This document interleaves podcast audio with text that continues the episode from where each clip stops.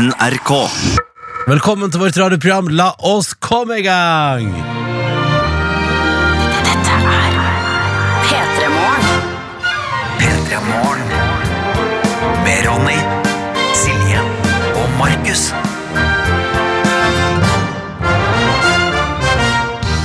Ah, Markus Neby er på campingtur i dag, men jeg går Nordnes her. God morgen, Nordnes. God morgen. Hvordan står det til med deg? Nei, det går. Altså, det er jo litt eh, kjølig ute på morgenkvisten, så jeg må jo gi honnør til alle som har lyst til å sove ute i disse dager. Ja, det er sant. Var, Eh, og det, jeg kjenner det på, på rommet også, faktisk, eh, soverommet mitt, at nå, nå begynner det å bli uh, og begynner å bli god temperatur igjen. Åh, det er sånn der, nå, er ikke det, nå svetter jeg ikke på natta lenger. Nå er det begynt å bli litt sånn åh, oh. men uh, har dere vinduet åpent? Ja, ja, ja. Liker du denne utviklinga? Jeg elsker deg. Jeg, eh, jeg har vokst opp med at man alltid har vinduet åpent. Ja, riktig. Ja, og så har jeg da en eh, kjæreste som eh, er litt mer på at man gjerne kan ha litt varme på soverommet. Ja, se der, Ja, ja. ikke sant? Og det er jo jeg litt sånn Jeg tenker sånn, nei, nei altså, Hvem er det som vinner denne konflikten, da? nei jeg, mener, jeg mener jo helt ærlig, og det ser jeg jo fordi sameie jeg bor i, altså hva heter det, borettslaget liksom, har spurt på, på Facebook-gruppa vår eh, om, det, om hva folk syns om temperaturen, for nå har jeg skrudd den litt ned på sentralvarmeanlegget i høst. da og så lurte da samme på eh, hva folk syns, og så ser jeg mange skrive sånn helt supert for meg, helt topp, helt topp, og så er det noen som fryser. Og da mener jeg at man skal alltid ta hensyn til de som fryser. Ja, Fordi det er ikke noe hyggelig hvis folk altså, og Spesielt hvis du går rundt i din egen heim og fryser. Det skal ikke være sånn. Ja, det er Så- kjipt, altså. Så den dagen eh, eventuelt Tuva sier vi må, eh, vi må lukke det vinduet litt, så skal jeg jo gå med på det, men det for min del er det litt sånn deilig nå at det er sånn Åh, det er friskt, og når jeg våkner, så er det litt kjølig. Åh, det er Men hun kan jo bare klippe på seg. Jo, men når du sover Ja. Eller Nei, ha men- pledd, eller Nei, men kjære venn, jeg mener at i ditt eget hus så må du ha lov til å Altså, jeg mener at i, i ditt eget hus, der du bor hjemme, der skal du kunne gå i shorts inne på vinteren uten å fryse, og så skal du kunne sove eh, naken uten å fryse. Det må være lov, for du kan ja, ikke Men da blir det ikke noe frisk luft til deg, da. Det var noe Nei, bare nei, no, nei, nei, men vi klarer oss mell- på mellomting. Og dessuten, hun er ikke, altså, sånn som nå syns jeg det er helt perfekt, og hun klager ikke på det. Så vi har det bra. Det er går godt bra. å Det høre. går bra, det går bra. Hvordan er det ditt forhold der? Nei, vi liker å ha det varmt. Ja, ja. 30 grader på soverommet? Absolutt. Mener du det? 35. Nei, men hva, hva, hva vil du Nei, ha? nei. nei, men eh, nei, ikke så veldig. Kan gjerne ha, ha eh, litt frisk Jeg bruker å lufte inn frisk luft på kvelden, liksom. Og så kanskje ha det litt bare på gløtt, fordi Ja. vi er frossen begge to. Ja, ikke sant. To uh, frossenpinner. Men så du tar, du tar en luftøkt på kvelden før du legger deg? Ja, men Ja. så kjører jeg nå gjerne både pledd og eh, pysj og ullsokker og alt mulig. For å kunne ha litt frisk luft. Ja, ja. Shit, det er Så du kler på deg. Det syns jeg er fascinerende. Ja, men det blir på en måte altså sånn hvis, Som en gang det blir Hvis litt valget er trekk. frisk luft eller eh, å være avkledd, så velger du å være påkledd med frisk luft? Ja. Ja. Ja, Det forstår jeg jo på et vis. Jeg er bare, jeg bare, det har jeg aldri fått til i livet mitt. da, Å sove med klær på. Det synes jeg det er det, det, det, det, det går ikke. Det går ikke, Nordnes. Det Ja, går har du ikke. prøvd nok? Ja, ja, ja. Jeg har jo sovna sånn på sofaen og i senga med klær på. Og jeg synes det er litt deilig. jeg. Helt forferdelig. Det er det verste jeg vet. Ja, jeg sovna en gang med sånn hold-in strømpebukse og veldig trang kjole. Det var Eller, det grusomt. vet jeg ingenting om, faktisk. Oh my god, ja, det var fælt. Ja, det tror jeg på, det tror jeg på. Velkommen til P3 Morgen. Hvordan har du sovet i natt? Hvordan står det til? Få høre fra deg. P3 til 1987 eller NRK P3 Morgen på Snap. Så tar vi en runde straks på hvem som er med. P3. P3. Det er 1. oktober, og bare som det er sagt, altså, hos vår faste lytter rørlegger Helge, så har altså da Uh, høsten valgt å være meget sånn tydelig. Jeg liker når det er sånn der Nei, men da er det 1. oktober, da gjør vi noe nytt. Så han har hatt uh, premiere for høsten på Is på bilen, folkens. Oi, se der, ja. Ja da, uh, og måtte altså da bruke Altså, eh, ved bastoen måtte i gang da, det er vel den der Det er sånn der, er ikke sånn som varmer opp bilen på forhånd. Jeg tror det. Uh, dette har vi pratet om før. Uh, men at han liker det kaldt på soverommet, ja. Med gåse, gåsedunsdyne. Shit, jeg skal kjøpe en ny pute. Jeg vet du, når neste blir bra der. Ja, det høres veldig bra ut. Ja, det blir veldig bra. Gode planer. Gode planer. Så eh, der altså, på 1. oktober, nøyaktig på dagen, har altså rørlegger Helge måttet skrape is av ruta. Snekker Espen skulle gjerne fjerne tirsdagen, men det hadde blitt et lite ukedager igjen til slutt. Og man må ha den, da. Eh, det er det som er fordi Ellers blir onsdag en drittdag. Og det vil vi ikke ha, for onsdag er en nydelig dag, så det må vi bare ta vare på.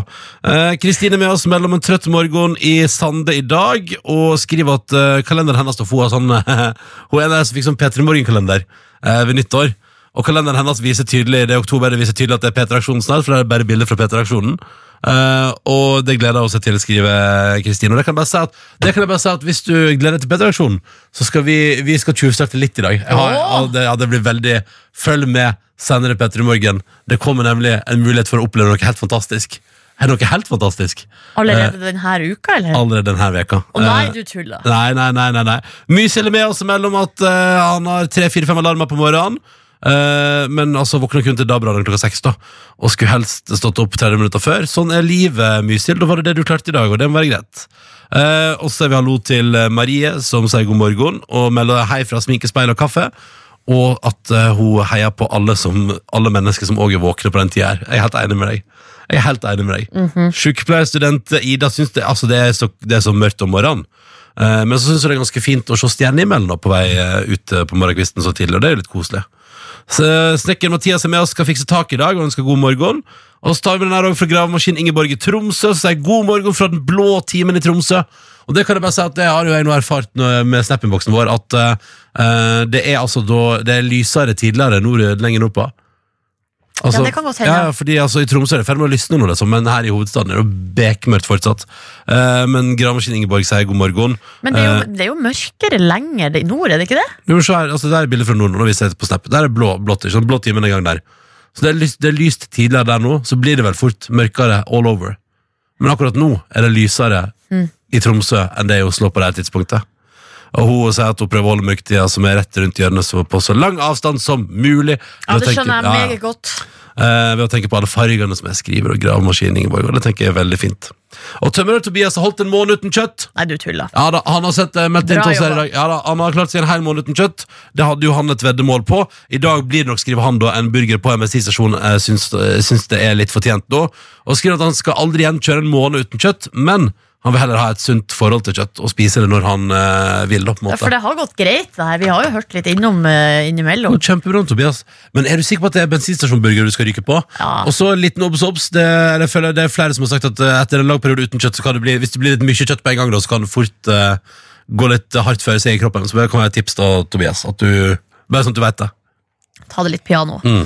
Kaffesverre, dere dere har sendt eh, SMS. Han er sliten, men frisk på morgenen. eh, og han sier at Wiesen, aka Oktoberfest i München, leverte, eh, Åh. og dere bør reise dit neste år. Ja, men det har jeg lyst til. Ja, så, neste år har jeg jo kanskje, kanskje jeg vet ikke hva jeg skal neste år, så kanskje jeg bare skal dundre rett på Oktoberfest. Ja, Boom, boom, bare å boom. booke deg inn. Ja, Sjukt ja, ja. god stemning, sier i hvert fall Kaffesverre om det Ja, så opplegget der. Ja. Så har vi flere som har vært ute på ferie. Erik J har jo vært på Karibien. ja. Eller har vært på cruise i Karibien, da. Han skriver snipp, snapp, snute, så var cruiseferien i Karibien ute.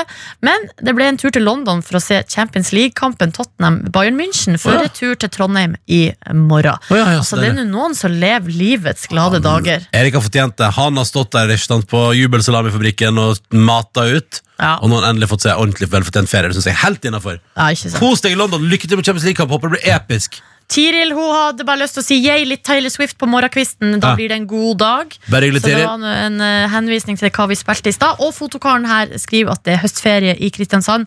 Men studenter har ikke høstferie, sier hun da, så det her skal det, nå skal det leses hardt. Ja, det er selvfølgelig. mulig det ikke, de ikke har eh, Jeg husker da jeg var student, så hadde vi ikke um, forelesninger i høstferien. Men man hadde vel gjerne et eller annet hengende over Altså, seg. når jeg var student, så hadde jeg ferie ganske stort sett hele tida. jeg. Og så har jeg skippertak på slutten. Ja, sånn Ja, har ja, du ja. du valgt det- å løse det. Men det funka for meg! Ja. Eller, altså, Hadde ikke du noen innleveringer eller noe gjennom året som måtte inn? Uh, hva mener du? Altså, det, det var, jeg måtte levere noe. Jeg hadde for eksempel i webprogrammering hadde jeg sånn at jeg måtte levere noe på slutten der, ja. Ja, men sånn gjen- eh, gjennom semesteret? Nei. Nei, Nei, det var veldig fritt. Det var veldig deilig.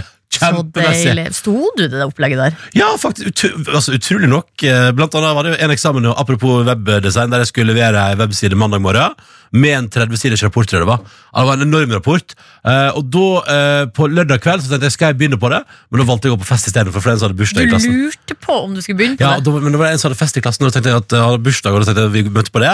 Og så begynte jeg søndag kveld, og da eh, fikk jeg levert jeg fikk, Nettsida ble ferdig, men rapporten ble på ei halv av fire sider.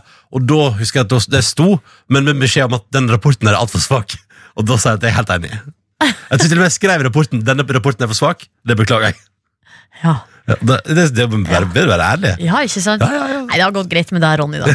Uansett. Og så jeg overlevde. Ja. Men det er jo det som er deilig med radio. Det må du på en måte møte opp og så må du gjennomføre når det skjer.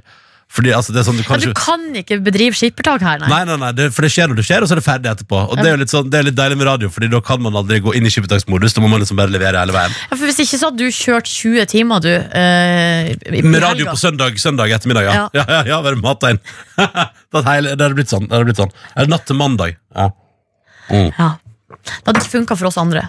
Nei, ikke sant. Da hadde jo ikke det. Eh, god morgen hvis du vil si hallo, du også. P3 til 1987. NRK P3 Morgen på Snap. Jeg har prøvd å tenke på hva Tobias burde spise når han først nå er ferdig med måned, eh, kjøttfri måned.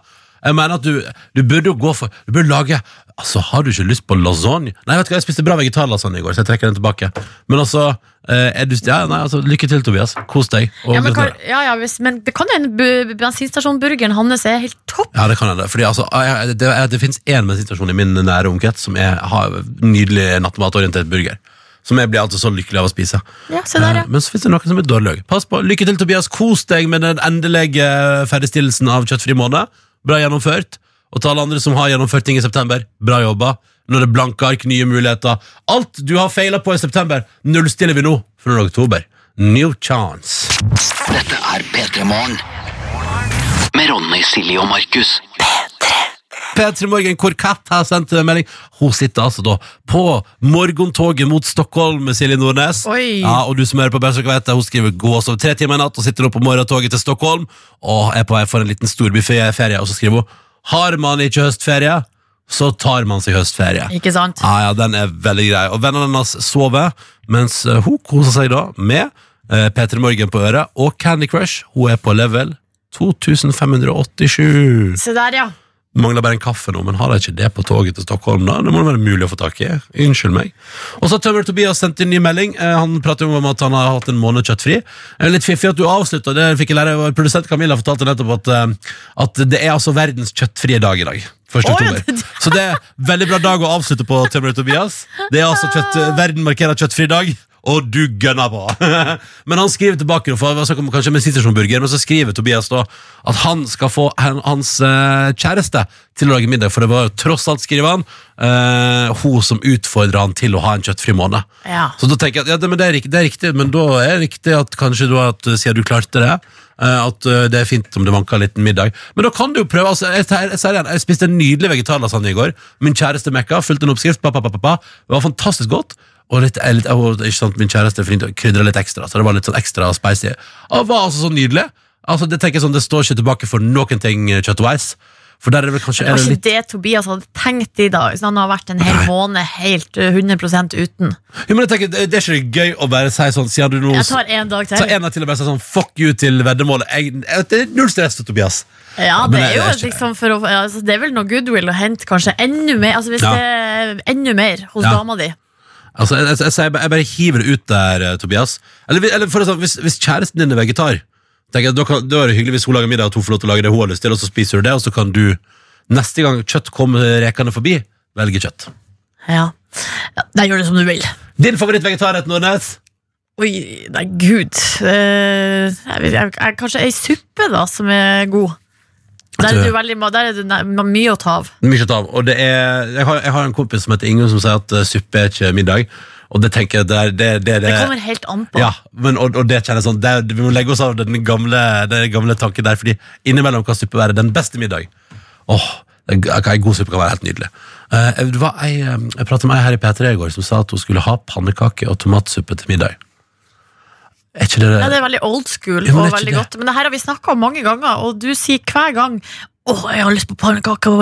Men det, det er jo bare å gjøre det. jeg fikk jo pannekake sist jeg var hjemme hos bestemor. Ja, ikke sant? Nydelig. Ja, det Men- ringte du vel og bestilte? Ja, det gjorde jeg. Men, eh, men det er så gøy, for tomatsuppe funker så bra som tilbehør til f.eks. pannekaker. Eller det som jeg eh, lærte på en eh, var, på, var i New York og tusla rundt i Brooklyn der på sånn søndagsmarknad. Og da var det Det er det, altså det helt komplette, mest fantastiske var at Da står det sånn food truck der. Som solgte da altså da grilled cheese, altså ostesmørbrød med nydelig Kanskje det var noe cheese and bacon. Og det var liksom det nydeligste ostesmørbrødet. Liksom stekt i panna, crispy og god. Og så fikk man med en liten balje med tomatsuppe som man kunne liksom dyppe i. Åh, det høres godt ut. Og det var helt Det er altså det, men, det er ingenting som slår det, da. Det var altså konge. Og det er, det er, altså, det er helt, det er helt suverent. Der, litt innspo der, vær så god. Bare hyggelig. God morgen. Eh, jeg merker at jeg allerede er keen på frokost. At jeg er sånn sulten. Så det Hva gikk du for i dag? Eh, Det vanlige det er nå ost og skinke og uh, tomat. Ja. ble det i dag. Det er litt skrint i kjøleskapet, rett og slett. Er det skrint i kjøleskapet? Ja, rett og slett litt skrint. oh, Burde kanskje droppa den skinka da, siden det var verdens kjøttfrie dag, men det visste ikke jeg da jeg Nei. smurte skiva. Men når du tar litt skinke nå, så kan du spise noe vegetar senere i dag. da Ja. Vi har rester av den lasagnen her, men det ble et konge. Straks Tøff tirsdag. Jeg har tatt med en helt kongelåt i dag. En vintage en, en god en. Jeg tror alle som hører på, har hørt den enten frivillig eller ufrivillig. Jeg gleder meg. Eh, og når jeg mener ufrivillig, så mener jeg at du kanskje altså, typ sånn, Den er typisk sånn, den har blitt brukt på sportsarrangement, i reklame. Det er et anthem. Den er jeg vil si at eh, den er litt anthemete av den White Stripes Seven Nation Army-måten. på en måte Den er bare så utrolig kul og catchy. Du skal få den straks. P3. God morgen, og så hyggelig at du er med oss. Det er 1. oktober, og dette er P3 Morgen. Nordnes og Åse her. Hallo, hallo.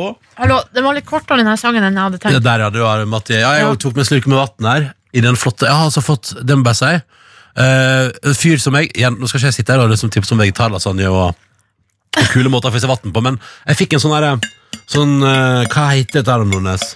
Det er en flaske. Det er en sånn flaske, men den er sånn kul Den, også, den, den er sånn eh, belegg at den, liksom, den, den holder vannet litt kaldt inni. Eh, og det var det som skulle få meg til å begynne å drikke litt mer vann på jobb. Ja. At jeg bare har den tilgjengelig, og så har den med meg, og så er den utrolig lett å frakte med seg, og så er kaldt vann inni hele tida, og så er den Nei, det er bare kjempebra. Mm. Veldig bra. veldig bra Det er meget bra. ja, ja. det, det er den store tipsedagen fra meg i dag, så kommer, følg med flere tips utover. Og eh, det skal bli en fin tirsdag, og rett over halv sju på tirsdag pleier vi å ta med tøffe tunes for å få oss over kneika. Det er den vanskelige andre dagen. I morgen er det heldigvis lille lørdag, onsdag og god kok, men i dag kan være litt tøff, fordi det er ofte litt sånn mandagene nikker litt sånn Å, mandag gikk greit. Og så kommer tirsdag. Ja, det, det kan fortsatt- være ja, røff, altså. lenge til helg, men det føles bra.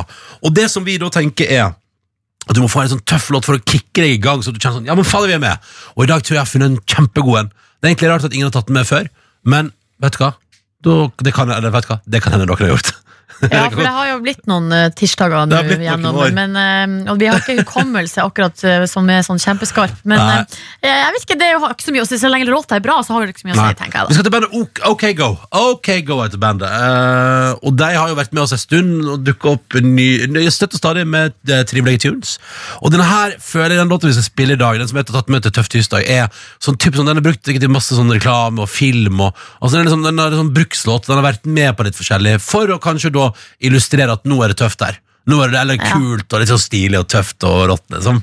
Uh, og jeg tenker at det er ingen grunn til å nøle. Den er bare en låt som uh, Den lå um, Jeg har hanka den inn til min halvmaratonliste, som jeg endte opp med å ikke bruke. Hørte du ikke på musikk i det hele tatt? Jo, jeg hørte på musikk, men jeg endte opp med å ikke bruke halvmaratonlista, for jeg følte at i det, i det jeg var i gang med å springe, tenkte jeg sånn Det er for forutsigbart, jeg kan ikke bruke den. Hva du hørte på, da? uh, Frist og fint 2019. Ja, det ble den, Opp ja. og ned i tempo. ja var sant? den lang nok, da? Frist Ja. og fin-lista? Den var lang nok i år. I fjor var den ikke det. I fjor var den ikke det. Uh, så den låta fikk jeg ikke brukt til det, men den hadde passa utrolig bra. Spesielt når man trenger det som mest. Uh, Here It Goes Again heter den. Det er en klassiker. Du har hørt den før, det er jeg ganske sikker på. Så da tenker jeg ingen grunn til å nøle. Dette er OK Go på NRK P3. God morgen. Det høres tøft ut. Ja, ja, ja. Det er bra. God tirsdag.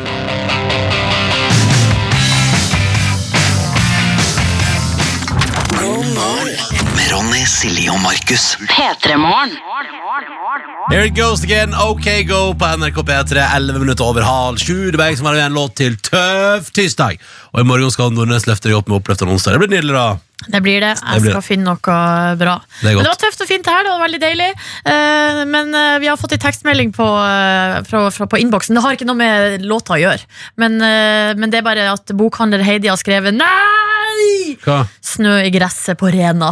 Å ja, ja, ja, ja, vi er der, Snø ja. i gresset Ja på. Rena. Absolutt. Det, vi er nå fire, det sitter jeg. Ja, så da ja. håper den her tøffe sangen da fikk deg litt over kneika, Heidi. Nå skal jeg provosere litt. Jeg er litt klar, jeg nå. Og du er klar for vinteren? Ja, eller for høsten. For, den der, Ja. at, for, jeg klar for, for nå er vi i grenseland. I går var jeg ute, og så var det utrolig godt sånn, Nå er det jo snart parkasvær, liksom. Det er like før gode gamle Hellig Hansen, eh, den jakka som jeg har vært trufast mot i hva er det, seks år, men der glidelåsen røyk eh, første veka etter at jeg hadde kjøpt den. Eh, den er fortsatt trufast og god mot den. Kanskje kan bli ny jakke i år. Men poenget er at jeg, jeg begynner å liksom, jeg gleder meg litt, og, og det er litt sånn digg å være inne når det er varmt og godt og så er kaldt ute, og jeg liker det. da Og høre på høstlig musikk. Jeg har jo en Spotify-liste som heter Det er haust. Den skal straks få lov til å godgjøre seg. Og så er det P3-aksjonen, og det er litt sånn Det, det er et par sånne høsting som kommer som liksom er sånn Åh, det blir Ja, det koselig. koselig. Det blir fint. Jeg gleder meg skikkelig. Men de her minuttene, timene der på morgenen, i, Ja. i starten, der kan det være litt Ja. eh, Det der det er det tøffeste. Ja, ja, ja. Og så prøver jeg alltid å tenke sånn Ja, ja, det blir nå bare verre. Altså, På et eller annet tidspunkt der skal vi gå til jobb, og så, og så er det minus 20, liksom. Det, det, det kommer jo til å komme. Det er rart å se for seg. Ja, men det skjer. Det kommer til å skje, ja. Du, eh, fått en oppklaring, for jeg pratet om at eh, vi fikk jo snap fra gravemaskin Ingeborg i Tromsø i stad. Og så Der var det den blå timen og litt sånn i ferd med å lysne, og så var det knallmørkt her i hovedstaden. Og da har jeg fått en, en, har jeg fått snap fra Florø der det står God morgen, Tromsø langt øst, så ved haust jevndøgn har de soloppgang nesten en halvtime før hovedstaden, mens helt vest i Florø eksempel, er man 15-20 minutter etter Oslo. Se her, ja. Norge brer seg over breddegrader. For en Derfor oppklaring. er Været forandrer seg. Det er- det er- det Solbegangen forandrer seg. Det, Været forandra seg. jo, men det er tidlig. Det er tidlig. Det er litt tidlig, ja. Det er tidlig. P3morgen. Med Ronny, Silje og Markus. Vi skal til Justin Bieber. Ja, riktig. riktig. Den er god. Ja, Den den er overgangen funka, da. ja, den satt den. Justin Bieber han uh, har uh, gifta seg igjen med sin kone Hailey Baldwin. Men har ikke de gifta seg før? Jo da, de har For det sa de jo til sånn magasin at de gifta seg fordi de da kunne ligge sammen. ja, Det er bare det at nå har de eh, gjort liksom festen da og seremonien med Ah. Eh, venner og familie til stede. Eh, og det sa de også da for eh, det er vel et år siden de eh, liksom eh, sånn juridisk gifta seg. Mm. At det skulle komme en fest, men de visste liksom ikke helt når. Nei, ikke sant? Jeg synes det er så deilig at man er helt ærlig på det. Vi ville ligge sammen. Vi måtte bare få, måtte bare få giftermål unna. Boom, boom, boom. Så er det gjort. Det Ja. er veldig, ja, det er bra. det er bra Jeg tror kanskje det var noen andre grunner òg. nei, de, de, sa, de sa det til det hvilket magasin var det? Det var Vogue, men Ja. det, er liksom, det er jo klart at eh, det, Eller det er jo veldig spissa. Det sto jo mange andre ting i det intervjuet også. Jo, jo, jo. Men det var noe òg derfor, da. I den kristne tro. veldig, de er veldig religiøse, begge to. Det stemmer. ja. Eh, og venter da med sex til etter ekteskapet, visstnok. Men eh, Og de er så De er ganske søte. da. Justin Bieber har jo posta gamle bilder av dem to, Mm. eh, for de har jo kjent hverandre siden de var små. Eller siden Justin Bieber ble kjent og har begynt å vanke i sånne kjendiskretser. Hun er jo da datter av Baldwin-fyr, altså kommer fra den Baldwin-slekta. Så Mm. de har, er jo liksom kjent hele gjengen. Han har liksom kommet inn i den verden der, og da har de møttes da når de var kanskje 14-15-16 år, liksom. Ja. Eh, Så det er litt sånn koselig at eh, de har funnet hverandre, og nå da altså gifta seg for andre gang. Eh, Det er litt artig, fordi de har jo samla selvfølgelig masse kjente folk. Ja, ja. Altså blant Det har vært, annet altså, fest i natt, liksom? Ja, det var i går kveld Ja, gifta seg. Men eh, de har samla da eh, venner og familie på altså de, i sånn her, eh, Var det i South Carolina? Eh, der har de savna på et sånn, sånn hotellresort. Uh, der har de samla blant annet Kendal og Kylie Jenner, Travis Scott, Ed Sheeran. typiske venner Ja. av familien. Ja. Jaden Smith, Usher og selvfølgelig The Baldwin Brothers. Ja. Og masse modeller da som. Hailey kjenner. Um, og på søndagskvelden så har de hatt altså, liksom svær, nesten som en sånn sleepover. Som en sånn overnattingsfest. Der alle har eh, kommet, og så har de fått sett eh, film. Og så har de hatt et sånn karnevaltema. Masse is, eh, godteri. Og så har det vært dansing, bowling. Um, Det her høres nesten ut som en fest etter Michael Jackson-prinsippet. Altså bare mata på med ting som barn liker. jeg forstår at de hadde vannkrig. Det har hatt vanskelig. Ja. Gøy. Der er, der er Det høres så der sykt er, artig ut. der er Ed Sheeran og Kendall Jenner og hele gjengen vår i vannkrig. Det er Ja. veldig- ja, men dette er veldig bra. Ja, ok, ja, ja, ja. Nei, og så har de da, eh, så har de da gifta seg i et sånn nydelig lite kapell, Ja. og så eh, har det vel vært noe middag og noe kjør. Men det er veldig, jeg må bare si det, det er litt skuffende på sosiale medier. Jeg, altså, I hvert fall en del av de her bekrefta gjestene har jo ikke lagt ut en drit. Nei. De har må, kanskje måttet ha signert på sånn her, eh, sånn eh, taushetserklæring. Åh, men er ikke det litt deilig at de har fått lov til å gifte seg sånn relativt i fred? Jo, det er jo veldig deilig, det litt- men det er jo også ikke... artig med litt bilder. Ja, Fra, selvfølgelig. Det er jo litt, eh, altså jeg, altså jeg har opplevd det før, jeg, når venner har gifta seg, eller venner, bekjente har gifta seg mer. da Mm. Uh, Så syns jeg det har vært litt lite uh, fra festen på sosiale medier. Jeg Jeg syns folk er liksom, ikke liksom så gode lenger på det der. nei, men jeg tenker at For enhver fest jeg er på der man er bedre på fest enn på sosiale medier, så tenker jeg for et win for alle. Så det tenker jeg, der har det sikkert vært Ja, Bortsett fra de som ikke er der, da. Jo, jo, men de er jo ikke der. Sant? Det, men dette her er jo Sannsynligvis har de hatt det kjempegøy, og kanskje Ed Sheeran har spilt, og Nei, det, det høres jo helt supert ut. Jeg syns også det er koselig. Og så liker jeg at man var nå til å bli løpt med vannkrig og is og bowling. Ja, Og sleepover. South Carolina, South Carolina, ja. og på, en, og på en mandag. Kan jeg bare si, der har du Det er liksom, jeg føler at der, du- det, det er da du liksom Når er du skikkelig popstjerne? Når lever du et eh, popstjerneliv? Ja, det er når du legger giftermålet til en mandag, og alle kan. Ja, for det må jo være derfor. Det må jo være fordi at sånn som Ed Sheeran har sikkert spillejobb på, på lørdag, og Ja, ja. Jaden Smith og alle har masse andre ting å ta seg til. Men det er visstnok så det her bryllupet har jo blitt utsatt mange ganger fordi at eh, familie ikke har kunnet. Åh. Men nå, Nå. nå traff det.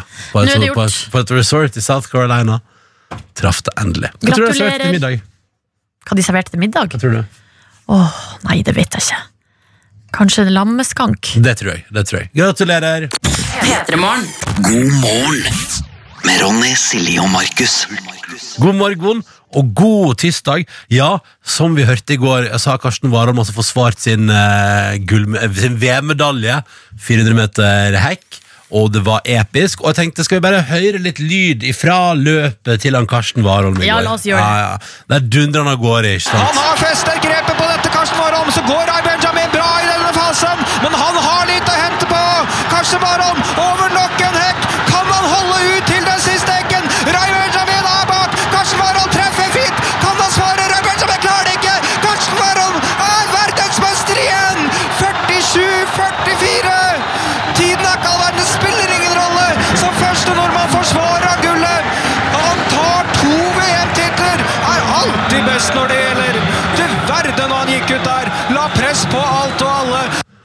blir, mest, jeg blir så imponert over kommentatorene. Artig. De leverer så vanvittig bra. Jeg liker det, da ropa i det liksom er verden, så betyr ingenting! Det spiller ingen rolle!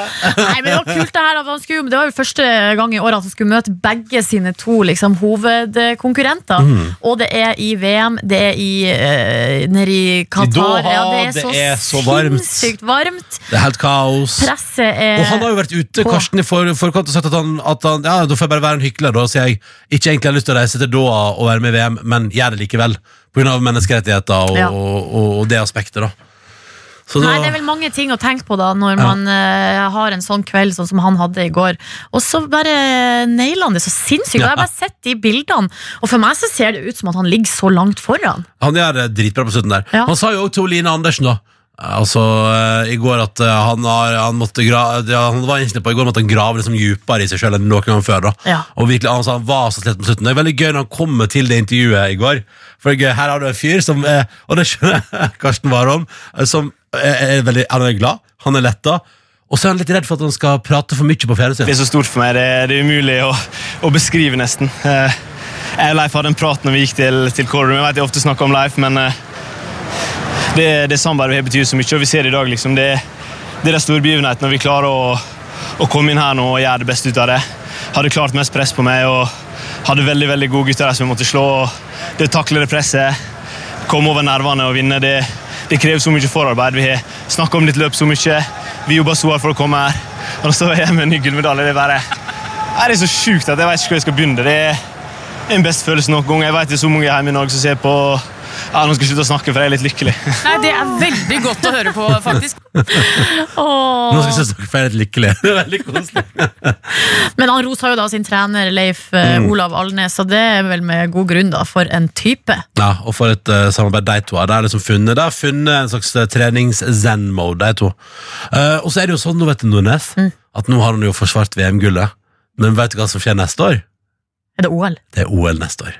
Gud, det, sa- det er litt mer stas. Ja, for da sa, de sa i går, det eneste Karsten Warholm mangler nå, det er en ny verdensrekord, og så er det OL-gull. Tenk dere det. Det er mulig. Ja, det er det. Og så, må, ja, og så var det Ingebrigtsen-brødrene sprang i går òg, og det var noe helt eh, kaos der. ikke sant? Og leda i starten, og boom, så sprakk han Jakob på slutten. der, Det var noe synd, da. Ja, hun Karoline Bjerkeli Grøvdal var jo også finale, endte på 13. plass, så det Ja. var jo dumt, da. Men ehm, sånn, altså, jeg tenker å være finale i et VM, Det er bra, det. ja, det tenker jeg er jævlig bra. Veldig. Unnskyld språket. Nei, det er fint, det. Og så tenker jeg at det blir veldig spennende. Jeg, sier- eller jeg tenker sånn, Warholm, nå bare- må du ha lekt bare dundre på neste år? Så kan hende vi altså får eh, altså et OL-gull neste år. Det hadde helt rått, da. Det hadde vært helt rått. Men altså bare si, eh, tampen her, en eh, sak som har hengt meg opp i. For vi hørte jo Gjert Ingebrigtsen på nyhetene i stad. Han Ja. lirer av seg. eh, utrolig komisk type. Og så ser jeg en sak på Dagbladet her, bare sitat. Prøver å holde en lav profil. og så er det bilde av Gjert Ingebrigtsen, og jeg tenker sånn Ok! Nei, der har du feila. Lav profil, det er det siste du holdt. Men den er god. Den er god. Nei, det er et eh, sirkus i Doha, og eh, vi liker den eh, deilige biten her når Karsten Warholm tar altså og forsvarer sitt VM-gull på 400 meter hekk. eh, og er altså det er så nydelig. Nydelig. Gratulerer til Karsten Warholm. Gratulerer! P3. P3. Nå skal vi inn i noe litt uh, Dette her dette gleder jeg meg til.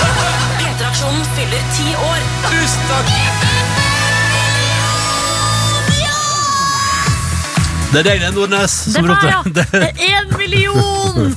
Eh, riktig god morgen. Det er, hva er det, 16 dager nå til P3-aksjonen går av stabelen. Det er ti år siden vi begynte med det. Det er tiårsjubileum. Og det er jo en god anledning for å mimre litt. Eh, og i den anledning også eh, Vi skal komme tilbake til det snart, men Tjuvstart ja, vi skal tjuvstarte litt, grann, fordi det er noen ting som lar seg gjøre i forkant av aksjonen, men ikke under aksjonen i år. Og jeg tror kanskje noen vil skjønne det allerede nå når vi skal ta en tur ned Memory Lane. I fjor under P3-aksjonen så uh, var det sånt vi spurte deg som hører på om uh, du ville gi oss penger for et underholdningsinnslag som skulle vise seg å bli hakket mer cocky enn jeg husker det. For da var det snakk om at Markus Neby skulle møte Rosenborg-proff, Rosenborg-legende Pål André Helland i en tverrliggerkonkurranse. Jeg har et par klipp her. Men la oss bare, Uff, eh, vil vi høre det? ja, vi, det er vondt, men la oss bare høre det. Eh, P3s nylige lyttere har betalt nok til at jeg nå skal ydmyke en mann som er på toppen av Eliteserien. Han spiller for Rosenborg. Du heter Pål André Helland. Eh, Orker du å ta på det her, da? Nei, det gjør jeg ikke. Men eh, vi får nye et jævla forsøk, da, så får vi se hvordan det går. Jeg gir et lite forsøk. jeg. Hva tror du dine egne sjanser er? Jeg er oppimot 90 da. Oi, shit, cocky type. Jeg er realistisk type, men du har jo en type som kan eh, Flaks og uflaks det kan ikke du gardere deg helt mot. Han går hardt ut! Flaks og uflaks kan man ikke gardere seg helt mot. Markus hadde jo på det tidspunktet vunnet seks av seks tverrliggerkonkurranser. Markus Martinus var slått. Mats Hansen, som proff fotballspiller, ikke som TV 2-underholder, var slått. Altså Det var Alex eh, Bøyum som spiller Adrian Austnes i handball, var slått. Altså Det var så mange som var slått her. Og så spilte han mot hverandre Helland. Og de har spilt to De har skutt to ganger hver. Og så kommer da det tredje skuddet etter. Og det er foreløpig ingen treff på tverrligger. Så kommer tredje skudd. Nei. Det er treff! Der er treffet! Samba de Janeiro. Ba-da, ba-da, da, da, da, da, da. Da må du treffe på. Hold sine høner. Nå må du treffe. Det er korrekt. Er du klar, da? da, da jeg syns det, det er ubehagelig å vinne nå. Jeg orker ikke, jeg vil være sympatisk likende fyr. Det kan jo ikke være det hvis jeg vinner der.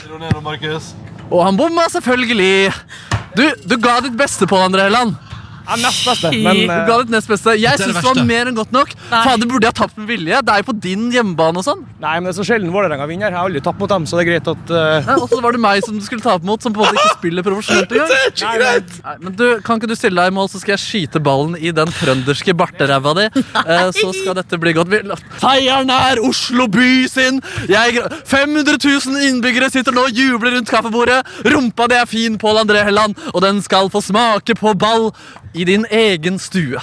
Markus Neby, den ubestridte mester av tverrleggerkonkurranse. Syv av syv er det nå, altså. Bøy deg for Oslo by. Orker ikke. Der, ja! Rett i ræva. Jeg lurer på om den traff balla, fordi den gikk jo gjennom bandet også. Ja, du, men du, takk for matchen. da, Vi kan handsjekke. Ja, det er bare hyggelig. Jeg har fortjent, et, eh, fortjent å våkne ordentlig i dag, så det var greit. Ja, det var bra. Åh. Ja, det er så, ja, det er så mye. Han har jo slått en del etter det her òg, da. Ja, Er det ti av ti nå? Ja, det er vel det. Staysman var den siste som eh, også gikk hardt ut og sa at han skulle slå Markus, ga helt garantert. Men det ble jo skivebom, det òg. Vi har ordna en potensiell ny duell. Eh, f- men eh, den duellen har ikke latt seg Det går ikke an å gjøre den under aksjonen, så vi tjuvstarta. Og straks, altså det kan, det kan hende noen har en følelse allerede av hvor dette bærer. Men eh, etter nyheten halv åtte så skal du få all info om hvordan du kan være med og bidra med cash til en god sak. For en duell som du vil høre. Eller vil vi det? Jeg veit ikke. Jeg tenker at vi vil det. vi vil det, vi vil det. Du hører P3 Morgen. Med Ronny, Silje og Markus. Dette er P3 Morgen. Silje og Ronny her. Markus Neby er ute på en liten campingtur, men han er tilbake igjen i morgen. Det Det blir stemmer. hyggelig. det blir hyggelig Og så skal vi straks eh, fyre i gang en liten utfordring her i P3 Morgen. Vi skal tjuvstarte P3-aksjonen litt. Fordi vi kan, og fordi vi må. Fordi det fins en ting vi alle har lyst til å oppleve, som dessverre ikke kan skje under aksjonen. Men det kan skje før aksjonen. Allerede denne det. veka her. Eh, det, det må vi bare få til. Så da tenkte vi at hvis vi når en viss sum innen fredag, så kan det skje magiske ting. Og alle detaljer og hvordan du blir med på laget, ja, det skal vi fortelle deg om eh, straks. Ellers, Nordnes, går det fint med deg? Det går veldig fint. Jeg var jo i går uh, kveld altså jeg så ikke, Satt ikke jeg hjemme og så på uh, friidretts-VM. Jeg var uh, på en sånn koselig restaurant i Oslobyen og spiste suppe og så på jazz. Ja, hva suppe var det? I går var det betasuppe eh, med nydelige grønnsaker, og så var det vel noe lammekjøtt som eh, smakte godt. eh, og drakk jeg et, eh, et lite glass eh, hvitvin til, og så fyr i peisen var det der. du er finkulturell, Nordnes! Ja, ja, ja. Og det var det er artig med jazz, fordi det live Det er artig med jazz. det er artig med jazz, fordi livepublikummet er altså sånn, Når de begynner å improvisere og liksom, er litt sånn show-off, liksom, så da er det kanskje at gitaristen tar en liten solo, ding, ding, ding, ding, ding, ding, ding, ding, ding, ding, og da bare publikum når han er ferdig. Woo! Og i går og så begynte kontrabassisten å bare bling, ding, ding, ding, ding, Og så var det applaus, og så var det trommi- trommisen til slutt. da Og da ble det liksom klimaks eller finalen, og da var det bare sånn wow! Ja, ja, ja, ja. Og folk liksom, akkurat som når de i, i improvisasjonen liksom gjør noen sånne små krumspring, så sitter publikum sånn Nikker og smiler, og så syns nesten det er artig, liksom, at uh, musikerne viser seg litt fram, da. Jo, men det er litt gøy. Det er litt gøy. Jeg kan kjenne meg igjen i det. Det er gøy det der når musikere bare. Det er veldig bra. Det er veldig bra. Nei, jeg eh, så bare ferdig Exit i går, jeg. Ja! Åh, du 105 episoder på rappen. Det er en bra serie, ass. Jeg så en episode i går, og jeg s- må si jeg var så eh, Jeg var ikke skeptisk, jeg var veldig spent, for jeg har hørt så mye forskjellig. Ja, ja, ja, ja. Og flere som har sagt at det blir for, altså det blir for ille, da. Ja, ja. Eh, men jeg må si at eh, Altså, det er, ga- det er ille. Men, det, men, jeg synes det var, men noe av det er jo komisk, Ja, ja, det er ko Ja, ja. Ja. og så det blir, nesten, det blir sånn tragikomisk. ja, absolutt. Og At det skal det bli mer av utover, altså. Ja, det det, ja, ja, ja, ja. Så det, nei, jeg så ferdig serien i går, og så er det mange som har sett den på NRK TV nå de siste dagene, og det forstår jeg. Bra greier. Så det var veldig bra. Så en fin opplevelse. her. Tips fra meg. Lå det an til sesong to der, eller? Hvordan syns du Ja, føles, det- slutten Det kan hende, men eh, ja, vi får nå se. Ja, jo, men Det var ja, det cliffhanger, liksom. Det, skal alltid, det går alltid sånn å lage en sesong to av det der, ja. Ja. Uten problem. Okay. Så det er ingenting å bekymre seg for. P3. P3. Nå kjører vi på! P3-aksjonen fyller ti år. Tusen takk! Ja, P3-aksjonen er ti år i år, og det betyr at vi eh, Det må vi feire litt, syns jeg. Så tanken er å mimre litt og kose seg, men òg oppleve helt nye ting. I stad hørte vi jo på det grusomme klippet fra da Markus Neby dessverre altså knuste Rosenborg-proff Pål André Helland i en tverrliggerkonkurranse til P3-aksjonen i fjor.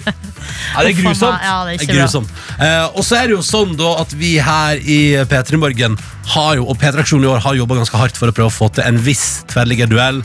Som jeg tror det er det vi har kanskje fått mest tips om det siste året at må skje. At Markus Neby møter sin kjæreste, fotballproff, spiller for Roma, Andrine Hegerberg, i tverrliggerkonkurranse. Vil vi det? Vil vi utsette henne for det? Altså, Altså, det monsteret der. Altså, Jeg har prata med henne om det. Jeg tror ikke hun er, hun er ikke udelt positiv. det tror ikke jeg. Eh, til det cocky monsteret av en radioprater hun er i forhold med.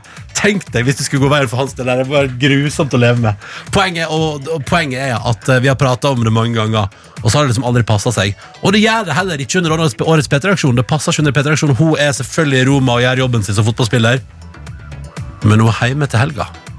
Ok. Hun er hjemme til helga. Hva er det du tenker, Ronny? Jeg tenker at vi tjuvstarter. Det er tiårsjubileum. Fader, la oss bare dundre på og tjuvstarte litt. Grann. Så det vi tenkte er For Care, som er årets eh, mottaker av pengene fra årets P3-aksjon, som det handla om i år å gi eh, kvinner rettigheter i den delen av verden der de har for lite av det. Det er en kjempeviktig sak. Det blir en kjempefin aksjon. Og allerede nå spør vi har du lyst til å gi litt bidrag og få noe hyggelig tilbake igjen. I fjor, jeg sjekket i fjor, i fjor samlet inn 100 000 på en time på at Markus Neby skulle møte Pål André Helland. Oi, 100 000 på én På time? en time for at Markus skulle møte, møte Pål André Helland fra Ok, Rosenborg. jeg skjønner. Mhm. Så da tenker jo jeg at nå har vi fire dager på oss, så da firedobler vi det. Vi har fire dager, og spørsmålet er da, kjære Peter Lytter, har du lyst til at Markus Neby skal møte Andrine Hegerberg i en tverrliggerkonkurranse på fredag morgen, direkte i radioen, så er det nå det kan skje. Og jeg har oppretta en såkalt spleis. Eh, det, det er altså ikke vips nå, folkens, men det er spleis. For det er sånn for det har vi også på P3-aksjonen at du kan, uh, du kan lage sånn spleis med eksempel kollegaer som samler inn penger til en god sak, eller, eller kjøre et lite veddemål sjøl, eller whatever. Poenget er at den sida er oppe og går. Spleis.no. Og hvis du går inn der og søker Hva var det du søkte på nå? Ne- Jeg søkte på Neby. ja, Hvis du søker på Neby inne på spleis.no nå, så finner du da det jeg har valgt å kalle for jeg det tittelen Den episke tverrliggerduellen Neby versus Hegerberg. Og der er det sånn at Hvis vi når 400 000 innen fredag morgen, så skal Nebyen møte Andrin Hegerberg i konkurranse, direkte her i radioen. Men 400 000, eh, hø- det, eh, kan det gå? Jeg synes Det høres mye ut. Ja, det er mye, ja. Ja, Det kan godt hende det ikke går, men er ikke det, litt av, det er jo det som er hele oppbygninga på P3-aksjonen. At det er jo en fare for at det ikke går. Ja, ja jeg vet det. Vi får se. For da får man Jeg vil det, men vil jeg det? ja, jeg vil det. Jeg vil det. Altså, jeg går inn nå, jeg dundrer inn 200 kroner. Ja, Tenker at det. er en start. Det går an å betale med VIPs så det var jo veldig enkelt. Jeg bare trykte inn telefonnummeret mitt. Her står det 'Hva med å skrive en liten hilsen til innsamleren?' Navnet ditt her. En liten hilsen. Heia, Ronny. Heia, Ronny. Du, du kan skrive 'heia'. Ja, leter, inn på, Skal det skje? ja. Da går jeg inn på spleis.no, og så der står det sånn Leter du etter en spesiell spleis? Ja, det er det. Og så søker jeg på Neby. Så jeg søke Neby. Der finner jeg den, den episke Vi har allerede fått inn 350 kroner! Nei, du. Oi, oi, oi, oi, oi. Oi, oi, oi, oi, oi, det begynner å bli bra. Ok, Da skal jeg støtte den spleisen her, og da taster jeg inn. Skal vi se, da gir jeg 200 kroner. Jo, det er helt enig. Det er gøy, det. Og jeg skal betale med Vipps, ja. Å, dette var veldig proft. Skal vi se, Mitt mobilnummer først, ja. Å, Bare se nummeret på lufta, er det ikke bra? Eh, og der er e-posten min sånn. Og husk meg, ja, gjerne, fordi det blir en P3-aksjon. Skal vi se her. Nei, åpner den sida i Vipps. Ok, da skal jeg jo føre over. Da har iallfall jeg og du gitt Nordnes. Skal du sende en kommentar til deg sjøl? Nei, jeg kommer nok bare til å kjøre. Jeg skal bare se nå støtter jeg saken. Boom! Støtte til innsamlingen. Den episke tvellingkonkurransen Neby versus Egeberg. Og der er vinner inne. Jeg har gitt et eh, beløp der. Supert! Da har jeg og du allerede bidratt inn med en hundre... Hva blir det? En tusendedel av summen, eh, Nordnes. 200, Yes. 200 hver. 400 til sammen. Yes. Jeg vet at det er et hårete mål, men fader, det er fire dager, og det, kommer, altså, det blir jo utrolig spennende. Uh, og vi er oppe i 3200 kroner allerede. Dette er jo kjempegøy. Vi er på vei, vi er på vei. Hvis vi når 400 000 innen fredag morgen, skal Markus Neby og Andrine Hegerberg møtes i en episk tverrliggerkonkurranse. Det kommer til å bli spennende, det er mildt sagt. Men hvordan blir det for det paret hvis de må gjøre det? Ja, det, det er sant. Men det skal jo du få høre live på radioen, kjære lytter. Ja, det er sant det. Ok, Hår, til mål, men vi prøver. Du finner det på spleis.no nå. Hvis du søker opp Neby, som er Markus Neby, så er vår lille spleis der. Og så kan du gi ditt bidrag på Vipps eller kort, eller hvordan enn du vil betale. Pengene går til P3-aksjonen, pengene går til Care, som gjør et fantastisk arbeid. Vi tjuvstarta, men det er eneste mulighet for å få det til. Vi fikk inn 100 000 på en time i fjor. Nå ber vi om 400 000 på fire dager. Så ser vi hvor det bærer. Men én ting er sikkert. Får vi inn 400 000 til en knallgod sak, så tjuvstarter vi årets P3-aksjon med en tverrliggerduell mellom Markus Neby og Andrine Hegerberg. Fredag morgen i P3 Morgen. Med Ronny, Silje og Markus.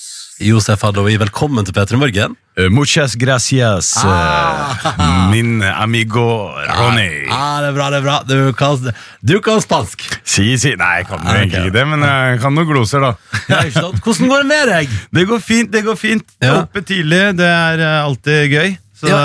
Eller Mener du det? Nei, ikke faen. Så- Sorry for munnbruken, men det er, Nei, det det er tøft, ass. Tøft Ja. å stå opp tidlig. Når er du vanligvis oppe, Josef? Uh, jeg er oppe, altså Klokka åtte er det tidligst. Altså, da, er, da må jeg. Da må du. Men hvis jeg kunne bestemme selv, så hadde det vært ti. Det var tid. Og, Ja. og stå opp tida. Ja, men Stå det, tid. det er nice, er. Men for du, det, du skal, at en gang før når du var innom her, så pratet du om at når du lagde svart humor, at du jobba veldig mye på altså, det- Eller hva? Og i hvert fall back in the days at du jobba veldig mye på nattestid. Ja. Hvordan er det når du nå har blitt forfatter? Har du begynt å jobbe mer på dagtid? Ja, nei, altså det fortsetter den der flowen jeg har, vet du. Det er nattens eh, konge, og sitter og koser meg. Og, og det er jo lett å skrive bok. Jeg vet ikke med dere, men eh, det er liksom bare Det er bare å gi alt, og så bare putte kommaer og punktummer og perfektum og den pakka der, og så smelle inn noe, smelle inn noe emojis og sånn, så, så er man i gang. Altså, ok, så det var lett å bli Men ok, hvordan endte du opp med å bli forfatter? For du er uten bok nå, det kan vi si. Du er uten ny bok. Yes. Eh, hvordan endte du opp med å skrive et bok?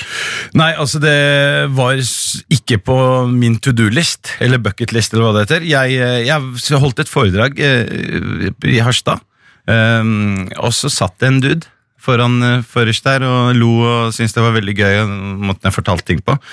Og så kom han bort til meg etter, eh, etter foredraget og sa du, har du lyst til å skrive bok? Og da sa jeg nei. Ikke faen. Jeg bare, ikke faen, det her er ikke helt Nei, sa han, jo det skal du, kan ikke du bare komme eh, Ta en tur til Aschehougs neste uke Og så ta en prat Tenkte jeg, ok, han duden her, han fikser Han mekker og fikser ting Og så Ja, ja. møtte jeg opp på Aschehougs Men hvem var han fyren du møtte? Ja, det kom jeg til nå Fordi da jeg dukket opp på Aschehougs Og kom inn døra der Så er det faen meg statue av fyren der Fyren er ikke daud nå, han heter William Nygaard Ja, ja, ja, ja. yeah. Ekte, han. Men han, du visste ikke hvem han var da du møtte han i Harstad? Nei, altså det var noe kjent. Jeg har jo sett, eh, jeg har jo sett, jeg har sett ham før. Eh, han var jo en del i nyhetene tidlig 90-tall, eller tidlig 90-tall, tidlig 2000-tall. Eh, han har jo eh, gjort sitt, eller han, han har jo blitt skutt på han har vært i drive-by, så han er ekte G. Han er ekte gangster. Så, så, så, nei, så da var det, da var det bok til, da. Så det, nei, det var kult. Det var kult. Men, eh, hvordan vært, men du mener at det har vært dritlett å bare fyre før den boka i pennen? Ferdig? Det er bare å bøye verba hardt, altså, bro. Hvis du bøyer hardt nok, Så blir det bukk. Finn én skrivefeil, da. I boka di? Men Ja. helt ærlig, det er vel kanskje noen som har eh, eh, ført den i Hva er det du pen. mener? Tror du ikke jeg klarer å skrive bok? Jo, jeg Har tror du- det, Har du men- fordommer, eller Silje? Hva er det som skjer nå? Hva er det her for noe? Jeg er 100 sikker på at du klarer det, Josef. Men Hvis akkurat Jostein Garde var her nå, du hadde ikke sagt spurt om det der, ikke sant? det kunne jeg godt ha gjort hvis jeg hadde fått beskjed på forhånd at han ikke hadde skrevet sjøl. Nei, altså, får jo alltid litt hjelp, men eh, det er jo Det er jo noe jeg har liksom Jeg har jo gitt eh, Altså, nei, jeg skal ikke skryte på meg, men jeg, jeg har så klart fått hjelp. Ja. Så Men det er vel sånn det er ofte med biografier. liksom eh, At man forteller historien sin, og så blir det skrevet ned på, eh, på fiffig vis. Ja, for det er ditt liv, liksom, eh, Josef. Hva tenker du om å ha gitt ut en biografi? Nei, det, nå har jeg virkelig solgt sjela mi. Altså. Ja. Det er- Ja, men nå har du jo naila livet. Ja, tenker jeg. Du livet, ja. Nei, nå har jeg mista street creds. Du, det, er noen, sånn, det er ikke mye street creds eh, når man har skrevet bok. liksom. Du, ikke... hallo. Jeg så, du, Lars, du ut Fant ikke du boka di i boka ved sida av biografien om Zlatan? Zlatan, Jo, jo. Josef. Jeg tenker det er bra, jeg. Og Northug eh, På i andre midten siden. Ja, ja, sant? så det er Altså- sandwich med gutta boys. Det er, det er ikke... Den er god. Jeg liker at du blir plassert midt mellom idrettsutøverne. Det er veldig bra. Ja, ja, så det er... Nei, det er, det er stas, så, så klart. eh, og det er morsomt å bare se seg sjæl i bokhandelen. Og jeg var jo en tur innom eh, eh, Jeg er jo fra Oslo øst. eh, stakk jeg innom Lambertseter og skulle bare se, så jeg ikke boka der. Så gikk jeg og spurte du, så har du fått en Josef Hadaoui-boka. Den er utsolgt! Nei! Ja, ja, ja. God damn! Og så sa jeg 'Hvorfor kommer du og spør om din egen bok?' sa jeg. Ja, bare at du, Han er høy på seg sjæl. Det er nydelig. P3. P3. P3 Morgen som har besøk av Josef Hadaoui, som jo er ute med bok. Yes, my man. 'Pappa elsker Fleksnes'. Yes. Hvorfor, hvorfor den tittelen, og hva betyr den, og hva mener du med det? Det jeg mener er at pappa elsker Fleksnes, og da mener jeg han virkelig elsker Fleksnes. Det er, eh, det er ingenting annet på norsk TV som eh, Altså, eh, jeg for eksempel, da, jeg når aldri opp til noe som jeg, Altså, Fatter'n har aldri vært stolt av meg. For det er sånn for, for du har ikke gjort noe Fleksnes ennå? Nei, altså, jeg blir aldri Fleksnes. For det, når han, han eh, liksom, Jeg husker første gang jeg kom hjem og sa at jeg var komiker. Han bare 'Du er klovn. Du er ikke komiker. Det er bare én komiker. Det Han heter Fleksnes. Ingen over og ingen på sida. Men hva med Fleksnes er det far din syns er så artig?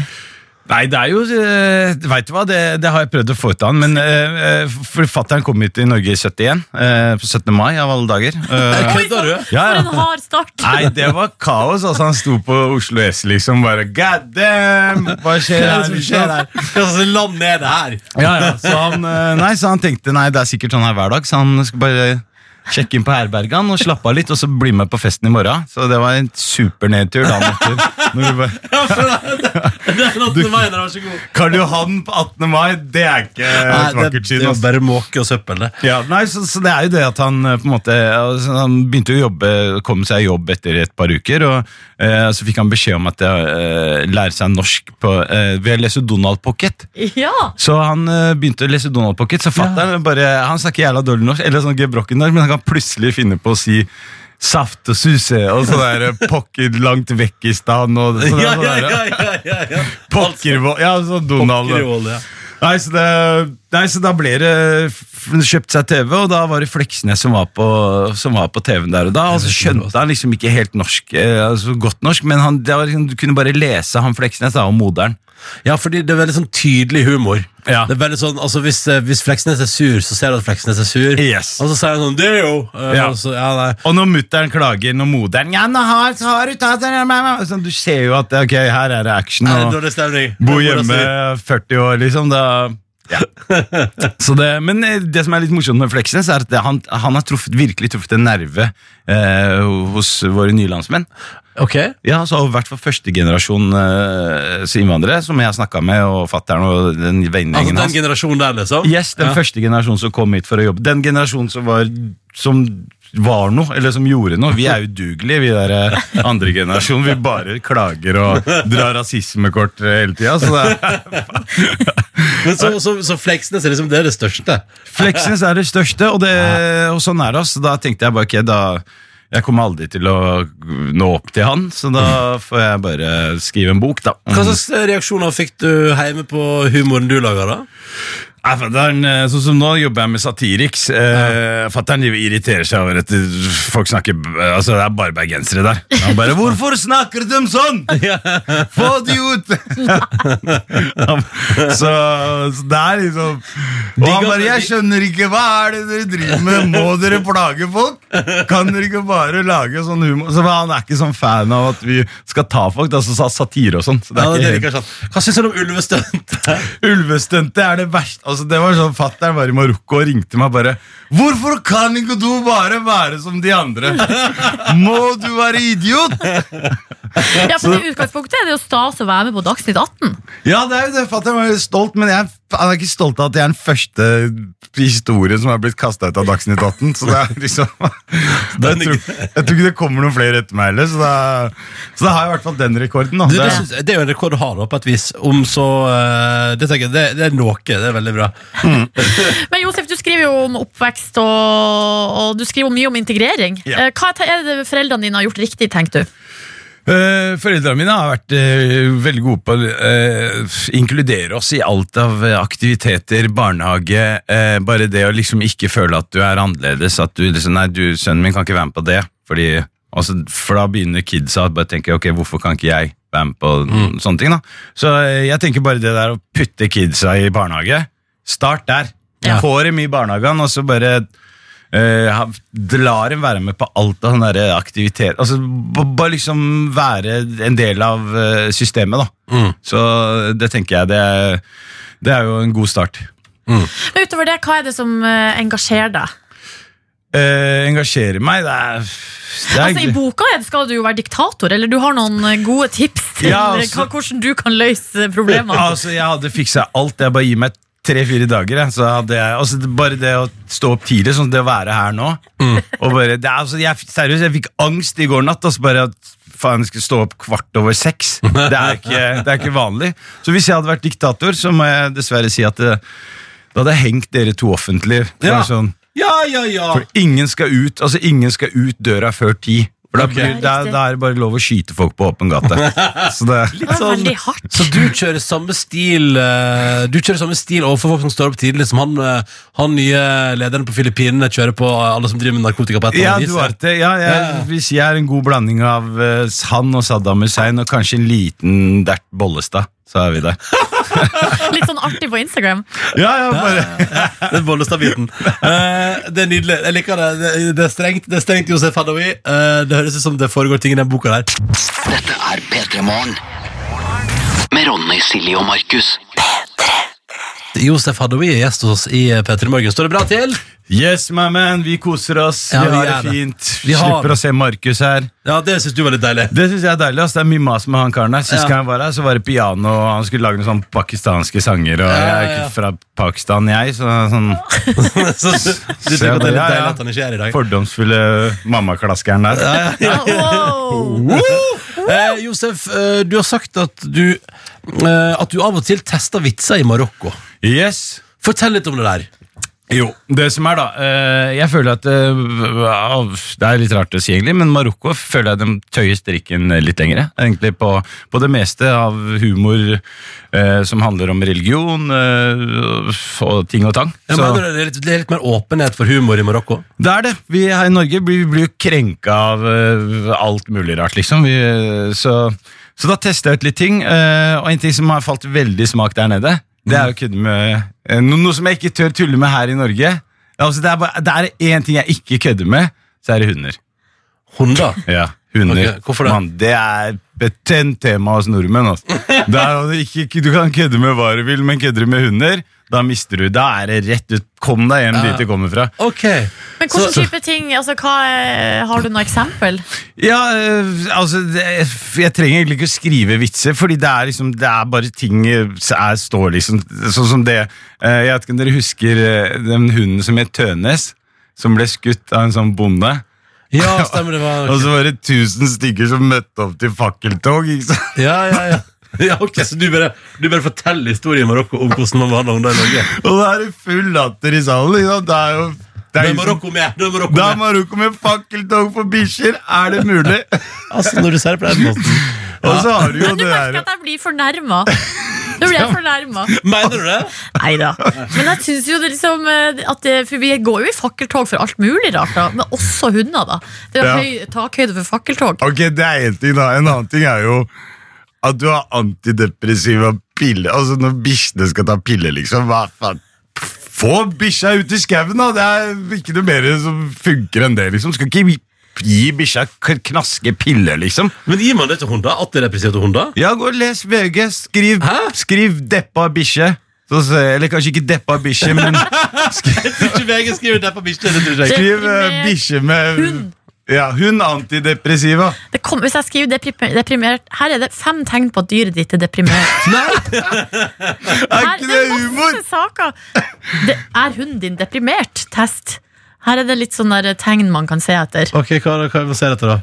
Nei, altså Nå er det jo en sak med masse reklame her, da, så om jeg klarer å komme til noe uh, ja, så så her. Men det her er anbefalinga. Man må ha lek, nærhet og kvalitetstid hvis hunden er litt deppa. Ja. Det tenker jeg er helt åpenbart. Ja, ja, ja, det er gøy. Her er. Det er morsomt. Er ikke det morsomt? Jo, det er litt morsomt. Jeg ser den. jeg Det er er den. kjempegøy. Men så det der, Da tar du den eh, Da kjører du i Marokko bare dundrer du show med hvordan man behandler hunder i Norge, og da har du et standup-show gående. Standup-show der, og så avslutter jeg med å bare ha en sånn liten chihuahua oppi en sånn liten jacuzzi. Som bare sitter der og sånt. Det er, det er, du får ikke mer Ja, for en sånn liten har, har du ikke sett Du har jo sånn egen hundefrisør, og bare står utafor ja, ja, ja, ja, ja, ja. Bare stell deg utenfor Altså, Jeg kunne egentlig bare hatt med meg en gjeng med marokkanere og bare stelt oss utafor hundefrisøren og bare titta inn gjennom vinduet. Bare stått og ledd. Men sitter bikkja der da med sånn midtskill og sånn der liten så sitter den og blir klipt og titter opp. Det er ikke altså Altså, jeg, jeg tror det ligger i det at eh, som et land som Marokko, da, så, så ha- har vi liksom så lite, da. Eller det er liksom eh, Du altså, har ikke overskudd til å begynne å gi eh, hunden din antidepressiva. Nettopp, Vi har ikke tid til å være utbrent engang. Fordi det er liksom, Her må det jobbes, ellers så får du ikke noe mat. Og så er det det at bikkjene le- altså, de liksom, Du ser at en bikkje lever nesten bedre liv enn 90% av befolkningen i- på denne planeten her. Så, Ja, ikke sant. så det ligger litt der, da. Ja, ikke sant. jeg ser den. Det, det Velstanden har også nådd hundeverden. Men det er, greit, kanskje du skal ta det. det er en god idé. Hvis du en dag liksom kjeder deg litt, så kan du starte temareise. Du tar med marokkanere til Norge for å se på hundefrisør. Ja, det er. Nei, men så er det, jeg må bare si jeg, jeg, jeg liker hunder. Altså sånn at jeg, Plutselig nå kommer jeg til å bli hata, liksom. Nei, nei, nei, er ingen Men du liker katter bedre. Jeg liker katter bedre. Det må jeg innrømme. Men, men det er sånn der, jeg vet at det er et følsomt tema for, uh, for de fleste her til lands. Så, da, så jeg er ikke så tøff. uh, Jeg, jeg kan tulle med hva som helst, men, Men hunder. Ikke, Ikke hunder. Det er forferdelig. Stay, stay uh, da vet vi det. Uh, gratulerer med bok, eh, Josef, og tusen takk for at du kom til P3 morgen. Du hører P3 Morgen. håper det står bra til med deg som hører på, og at du har en fin start på din uh, tirsdag. Silje og Ronny her. Markus Neby er på campingtur, så han er ikke tilgjengelig i dag, men han kommer tilbake i morgen, da. Det gjør han, vet du. Mm, mm. Du, Nordnes. Ja. Fikk du vet ikke om du fikk med deg Ellen Karin prate om den nyheten i dag? og sånn Fikk det med meg og sett det på internett også? Uh, Statens vegvesen har altså stått på app, sånn at du kan ha ditt førerkort på mobil. Ja. Så slipper du å bære det med deg. Hva tenker du umiddelbart om det? Eh, nei, det der lille kortet Det plager meg jo ikke i det hele tatt. Eh, altså førerkortet. Og, eh, og så er, så har jo jeg det er jo, For meg er det jo helt nytt. Jeg har jo ikke hatt det i et år engang, så jeg syns det er skikkelig stas. Ja, ikke sant? Men det er ikke litt sånn, fordi jeg ser for meg, eller jeg husker fra- fra min oppvekst at det er sånn der, at det har vært sånn, jeg husker, hvis foreldrene mine sånn, å shit, jeg glemte å ta med førerkortet, liksom. At det liksom av og til var noe. Nå er jo ikke det noe som jeg trenger å tenke på lenger, da. Nei, men før så var jo førerkortet mye større. Var det det? ja. Oh, ja. Mens nå er det jo så lite som et bankkort, så du har det i lommeboka. Så Mm. for min del, hvis jeg har med meg pengeboka, liksom, så Mm. er jo førerkortet alltid med. Ja? Så jeg har liksom aldri Ja, det har skjedd at eh, Nei, sånn Når går man egentlig ut uten lommeboka? Nei, det er godt spørsmål. Det er jo veldig, veldig veldig sjeldent. Det er klart Noen har kanskje kortet liggende løst, eller de bruker cash. Eller, det kan jo selvfølgelig være en million grunner til at det er genialt å ha det på mobilen, men Mm. sjøl så ja, Jeg vet ikke. Det er, kanskje, det er jo fint, altså sånn, Da har man det jo to plasser, da. Sånn Ja. at man er sikra Ja, uansett. det, er sånn, det er digg å være sikker uansett. Og jeg kan, bare, kan jeg bare si én ting? Uh, eh, nå er det jo Statens vegvesen som er flinke på den fronten her, da, men ja, så dere klarte å ordne digital uh, versjon av identifikasjonen til førerkortet, men for oss som ikke har lappen, og som per def, per def nå kun har pass å legitimere seg med Hallo! Når kommer de nye ID-korta, folkens? Skal Norge ta seg litt sammen nå? Altså, jeg, jeg, har, jeg har ingen ID, jeg. Jeg har Nei, du har ingen ID. Jeg husker vi var på en uh, restaurant i eh, USA også på dagtid, Ja. uh, der du ble bedt om å gå for å hente passet ditt. Ja, ja. For du fikk ikke lov å komme inn på restauranten engang. Helt absurd. Eller sånn som det av og til er nå, for eksempel hvis jeg skal på eh, bar eller restaurant eh, ute, for eksempel, og så er det dørvakt i døra, og alle må vise legg, så er det altså da hver gang spennende for meg, fordi jeg har jeg, For jeg kan ikke gå rundt med passet ute hele Du har ikke noen gang googla deg sjøl? Nei. Altså, jeg har gjort det en gang. Hva da? Nei, altså, Jeg hadde mista lommeboka mi, for det, det gjør jo jeg med jevne mellomrom. Ja, det og det er klart, Da kan det jo være det veldig lurt. på- nei, ja, mobil. Helt sant. Mm. Men i hvert fall en gang jeg hadde mista pengeboka mi, da, sist gang det skjedde, så skulle jeg inn på Og det var liksom Det var klokka sju på kvelden, liksom. Det var ikke på byen. Det var på en sånn filmvisning på en pub. Ja. Eh, og så premierevisning på noen greier. Og da fikk jeg beskjed om at her eh, må du vise legg hvis du vil komme inn. Mm. Så hadde jeg ikke noe legitimasjon, og så ble jeg jo desperat. Eh, For jeg hadde ikke noe lyst til å dra hjem og hente eksempel passet mitt. Så da sa jeg Vi, uh, vi kan google meg. Så jeg, altså jeg googla meg sjøl, og da kom du inn på Wikipedia. Ja. Og, vet du, og der står det jo Jeg er født 28. november eh, 1984. Ja. Det vil si at jeg fyller 35 år eh, om bare veldig kort tid. Mm. Og da sier han vakta det er veldig lett å redigere Wikipedia. Det er jo sant, da. Det er veldig sant, men man, altså det er jo veldig sant, men hallo, liksom. Hvem er det som redigerer Wikipedia for å komme seg inn på en uh, pub klokka sju på kvelden? Det kommer jo an på hvor keen du var på å komme inn på en pub klokka sju på kvelden. Den Nordnes Ja, det sto utafor der og redigerte Wikipedia i forkant av ditt besøk på pub. Altså, da må man være superbruker på Wikipedia. Hvem er det som er det? Veldig mange. Kan jeg, men kan jeg bare si sånn, kan ikke norske myndigheter snart òg få til det som Statens vegvesen får til? Det, det, Altså, er det det skulle bare mange. Jeg skjønner ikke hva det er som, vent, hva som stopper dem. Er det for mye å be om at jeg, kjære vere, kan jeg snart få et eller annet som ikke er passet mitt, å identifisere meg med her, i landet, her til lands? Vær så snill. Please. Uh, Statens vegvesen får det til. Hallo, staten Norge. Please, please, please. Og så tenker jeg eh, Nordnes, at neste gang du har mista lommeboka di, eller et eller annet, ja, så skal jeg ha last lappen ned, på last ned lappen på mobil, du. Ja, jeg skal gjøre det. Det men det er litt kjipt, fordi hvis du venner deg til å kunne ha lappen på mobil, og så plutselig befinner du deg i utlandet, og der er den ikke gyldig Nei, jeg tenker at eh, det er litt sånn Ja, ja, men innad i Norge fungerer det jo, da. Men uh, du må jo jeg tenker at Det er dumt hvis du sitter plutselig i Spania og tenker sånn Ah, jeg har ingen gyldig idé. Men da har du bare ikke passet. Jeg har ingenting. Da med passet. Null stress, null stress. Det går bra, det der. Bra jobba. Gratulerer. Gratulerer. Last ned appen. P3. P3-aksjonen fyller ti år. Tusen takk!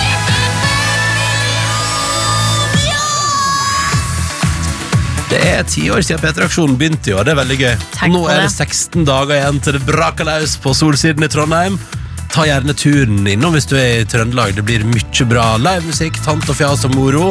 Midt på Solsiden. 100 timer til stre i strekk på NRK P3 og på p3.no. Det kommer til å bli så gøy, så spennende, og ikke minst for en utrolig viktig sak. Pengene går til Care i år, og deres viktige arbeid for likestilling og kvinners rettigheter i de delene av verden der kvinner har det vanskeligst. Og ved å hjelpe kvinner så hjelper man jo gjerne ofte hele miljøet. Så det, det her er bra fra ende til annen. Hele samfunnet drar nytte av det. Mm. Uh, og det kommer til å være en viktig sak, og det kommer til å bli samlet inn penger på tullete måter som alltid. Det har vi jo drevet med. Og i, uh, i år tjuvstarter vi litt òg, fordi uh, vi har prøvd å få til en ting under P3-aksjonen som dessverre ikke har gått under aksjonen. Fordi uh, den personen vi trenger for å få det til, ikke er i landet. Men den personen vi trenger for å få det til, er i landet på fredag. Vi snakker om Andrine Hegerberg, vi snakker om Nebys sussebass. Ja, og Markus Neby har jo holdt på med altså, tverrliggerkonkurranse her nå i over en lang tid, og vi er vel Lang oppe tid. i ti uh, forskjellige som Markus har grusa i tverrliggerduell. Altså, det er uh, Mats Hansen som på det tidspunktet var uh, fotballspiller. Han la jo opp rett etterpå. Marcus og Martinus, ikke mest kjent som popstjerner kanskje, men er også habile fotballspillere. De har blitt knust. Så er det vel uh, Staysman, kanskje ikke akkurat en fotballspiller da, men uh, Guro Reiten, Uh, knust. Um, altså det er mange da, er som mange. Markus har møtt i tverrliggerduell. Han har litt som Karsten Warholm, da, en eller annen slags evne til å levere når det gjelder. Og på fredag kan det altså skje. Han kan spille eh, kjøre tverrliggerkonkurranse mot sin kjæreste, mot sin sussebass. Proffspiller Andrine Hegerberg for tida i Roma. Ikke hjemme under aksjonen, altså, men hjemme nå til helga. Og da er jo spørsmålet om du har lyst til å hjelpe oss med å få det til å skje. For vi samler altså da penger inn til en knakende god sak. Til årets P3-aksjon. Det er det som er hele målet her. I fjor samla inn 100 000 på en time for at Markus Neby skulle møte Pål André Helland til en liten tverrliggerduell. Nå står den episke duellen mellom Markus Neby og Andrine på fredag, hvis vi da har nådd 400 000 til årets P3-aksjon. Og det strømmer på. Nå nærmer vi oss snart ti- Vi nærmer oss 10% innsamla, altså. Ja, Det er ganske rått, og det er gøy for at på Spleis, da, der du går inn og, og legge inn din støtte, så kan du også skrive melding. da. Birgitte hun har sendt melding. En av få som skriver 'Heia Neby', tror jeg. Eh, men hun sier også den kjekkeste konkurransen. Katrine skriver 'Markus, you're going down'. Ja. Da har vi Bygg- Bygdal- Bygdalogopeden skriver 'La det her være gangen når Markus blir slått'. Camilla skriver 'Det her må bare skje'. Jorid skriver 'Kjør Andarine'. Og så skriver Stine, da, som er helt sant, 'Håper det her skjer'. Hvis ikke, så har jeg uansett støtta en god sak, da. Det er så det kan man jo huske på. Men eh, vi vil jo Altså, jeg merker at jeg har, liksom, jeg har lyst til å se kjæresteparet i den Ja. situasjonen. Jeg vet ikke om jeg unner dem det, for jeg unner dem jo alt godt, men eh, fordi Men jeg har så lyst til at det skal skje. Jeg har lyst til at det skal skje. Og det som er at eh, Da må du hjelpe oss å bidra, for det er jo som alltid i P3-aksjonen at vi gjør det hvis vi får inn nok penger. Og da er det altså da Og hvis du går inn på spleis.no nå og søker på Neby, som er Markus Neby, så finner du det enkelt. Den, jeg har kalt eh, spleisen for Den episke tverrliggerduellen Neby versus Hegerberg. Og der har vi altså sagt hvis vi får 400 000 innen fredag morgen, så skjer det direkte på radio på fredag. Markus Neby mot sin sussebass i en tverrliggerkonkurranse. Det kommer til å bli ubehagelig, det kommer til å bli fryktelig spennende. Og Men- gøy, da. Og mest av alt gøy, fordi vi alle sammen drømmer om at det skal skje. Og nå nærmer vi Vi har samlet altså 31 000 kroner foreløpig. Dette her går veien. Vi er på vei, men vi trenger ditt bidrag for å få det til. da Og det er jo til en knakende god sak. Det er til årets P3-aksjon. Vi tjuvstarter litt, og vi trenger ditt bidrag. Hvis du vil, spleis.no, eh, søk på Neby, eller gå på Facebook kom P3 Morgen. Der har vi delt link eh, rett til spleisen. Og kan jeg bare si at det er også det er veldig koselig Politisk kommentator i NRK, Lars Nehru Sand, har også delt link til spleisen på Facebook. Ja, Med kommentaren 'La det skje'. La det skje. Og det sier vi òg. La det skje. Og hvis du vil være med, altså Facebook kom P3 Morgen, der finner du link til eh, Spleisen. Eller gå inn på spleis.no og søk på Neby, så finner du det. Å, herregud, Nordnes. Tenk om det skal skje på fredag! Ja, det har vært artig, ass. Det er jo et øyeblikk vi alle har drømt om altså veldig lenge nå. Jeg så det øyeblikket Markus nevnte at her var det noe uh, Noe flørting. Så tenkte jo vi Det her må skje. Skje. Spleis.no, søk på Neby, eller gå inn på Facebook om Peter i Morgen og søk opp eh, Der finner du linken. Med Ronny, Silje og Markus. P3morgen. Og så har vi fått snap da til NRK P3 Morgen ifra eh, Dette er veldig koselig. Det er fra uh, fastlytter uh, blikkenslager David, som fortsatt ruler shortsen og lurer på om jeg gjør det samme. Jeg har altså konvertert bukser. bukse. Det begynner å bli kjølig nå. Ja, ikke sant? Så dermed bare beklage og skuffe deg, David, men jeg har altså gått over til det lange format, og trives helt ok med det. Ja, men det tenker jeg er fornuftig da, nå når 1. oktober har kommet. Uh, Sjøl har jeg jo begynt med skjerf.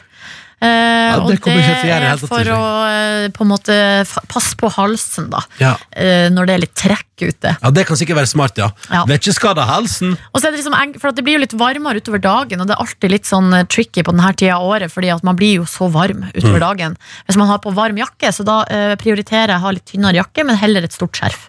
Men skjerfet kan jo lettere pakkes bort da enn jakka. Mm. Det er tanken. Det er tanken, og det tror jeg er helt riktig. Vi har også med oss noen det som tar med der, utvekslingsstudent Maren er med oss direkte fra Roma og mellom kalde 19 grader der. Ja, og så kaldt. Ja, Det er meldt 26 senere i dag, da. Uh, så sola er fin på morgenen, skriver hun, og nyter mens det holder på. Kjære Maren, utvekslingsstudent. For det er, du er heldig. Du er heldig som får lov til å nyte det varme været der uh, i oktober. Tenk det. Ja. Eh, så takk for snap, hvis du vil hive deg på. NRK P3 Morgen heter vi der. Uh, og så er det jo sånn at Maren befinner seg i Roma, og der befinner jo også proff fotballspiller Andrine Hegerberg seg. Uh, og det gjør hun også under P3-aksjonen, men akkurat nå til helga er hun altså da hjemme i moderlandet Noreg. Og da er det altså mulig at vi kan få på en tverrliggerduell mellom hun og hennes kjære sussebass-kjærest Markus Neby. Vi har en spleis gående til inntekt for årets P3-aksjon og for Care. Og akkurat nå så ligger det, det, vi, nå er vi altså så nærme å bikke 40 000, 10% av det vi ønsker å samle inn. Dette lover godt. Det lover godt, Nordnes. Jeg har trua. Ja, man bare søker på Neby inne på Spleis der, så finner du den eh, som heter altså, Den episke tverrliggerduell mellom Neby og Hegerberg. Mm. Uh, og det er gøy, for at de meldingene som uh, Altså, folk kan jo legge, sende penger da, både enten med kort eller vips, du bestemmer helt sjøl. og så kan man legge med en, en melding, da. Mm. Og det syns jeg er så artig. Thomas skriver 'Sorry, Neby, no chance you win this'. Vilde skriver 'Team Hegerberg'. Og så har vi her Lars skriver 'Heia Andrine'. Håper Markus gruses skikkelig. Og så skriver Bente bare 'Det her er så bra'. Det her er så bra. Det er så bra. Så det kan skje, og det du gjør altså, du søker opp Neby på spleis.no, eller finn eh, Facebook om P3 Morgen, vår side der, så er det muligheter for å trykke på link der videre til spleisen, som altså er gående. Yes, sir. Så det er det vi driver med nå. Og det må bare si at hvis du, det må jo bare også si i anledning P3-aksjonen at hvis du og dine kompiser for eksempel har lyst til å gjøre noe ala og lage små eh, innsamlingsaksjoner på Spleis der, så er det jo mulig. Eh, for hvis du går inn på, det står jo sånn start en eh, Spleis for P3-aksjonen, Kjempehyggelig hvis flere har lyst til å gjøre det. Enten det for eksempel er I fjor var det jo masse gøy, for da begynte jo alle bankene i Trondheim å konkurrere innpå der. Eh, og ha sånn spleis og Eller altså, om å gjøre liksom samle inn mest blant sine ansatte. Det går Jeg an. og lurer på meg, det- Man skal utfordre andre radiokanaler til å lage spleis. Altså, så hvem som er flinkere enn oss i P3. Eh, vi får. Altså P4 og sånn. Ja, ja, sjekke om det stemmer. Men jeg tipper de sikkert ikke vil være med på det. Men det var gøy. Uh, men så hvis du, hvis du vil opprette en spleis du òg for et eller annet i ditt uh, nærmiljø eller lignende, eller din vennegjeng, gjør nå det. Uh, det er bare å trykke start spleis for P3-aksjonen din på der, så er det bare dundre på. Men det vi skal prate om nå, eh, Ronny og du som hører på, er noe helt annet. For jeg vet ikke om eh, du har sett på Instagram en video av noen eh, gutter som, som, som dytta en stein, en svær kampestein, nedfor fra ei fjellside. Nei. Vi kan bare høre uh, lyden av hvordan det høres ut. Ja! Ja,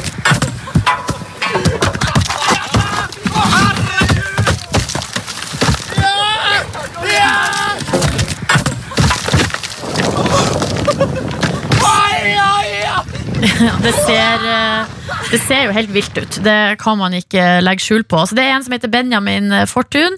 Han er vel noen slags skikjører. Ja, han er skikjører. Og holder på med alle mulige slags eh, litt sånn ekstrem ting. Liksom eh, sykkel og mye sånn bading og stuping og sånn på sommeren. Nå har han og noen kompiser vært på Stad. og vært oppe i fjellet der.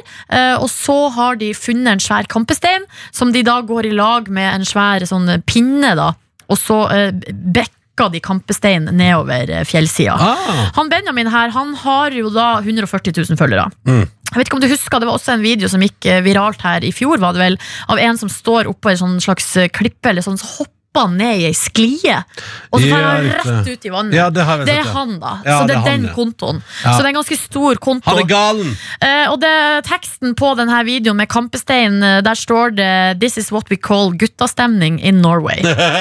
og så er det jo mange folk som eh, syns at det her er ganske artig, da, for at det ser helt episk ut. Den steinen er svær. Det er liksom på en måte Altså, naturen, men det er jo ikke Kan noe jeg, kan jeg ta to sekunder bare, på, bare hvis man hører etter på lyden her på dunk, Når du hører liksom etter hvert en dunk av stein Ja. Ja, så, Vent da Skal vi se. Hvis du hører noe, så kommer det. Her, men, hør, men hør nå.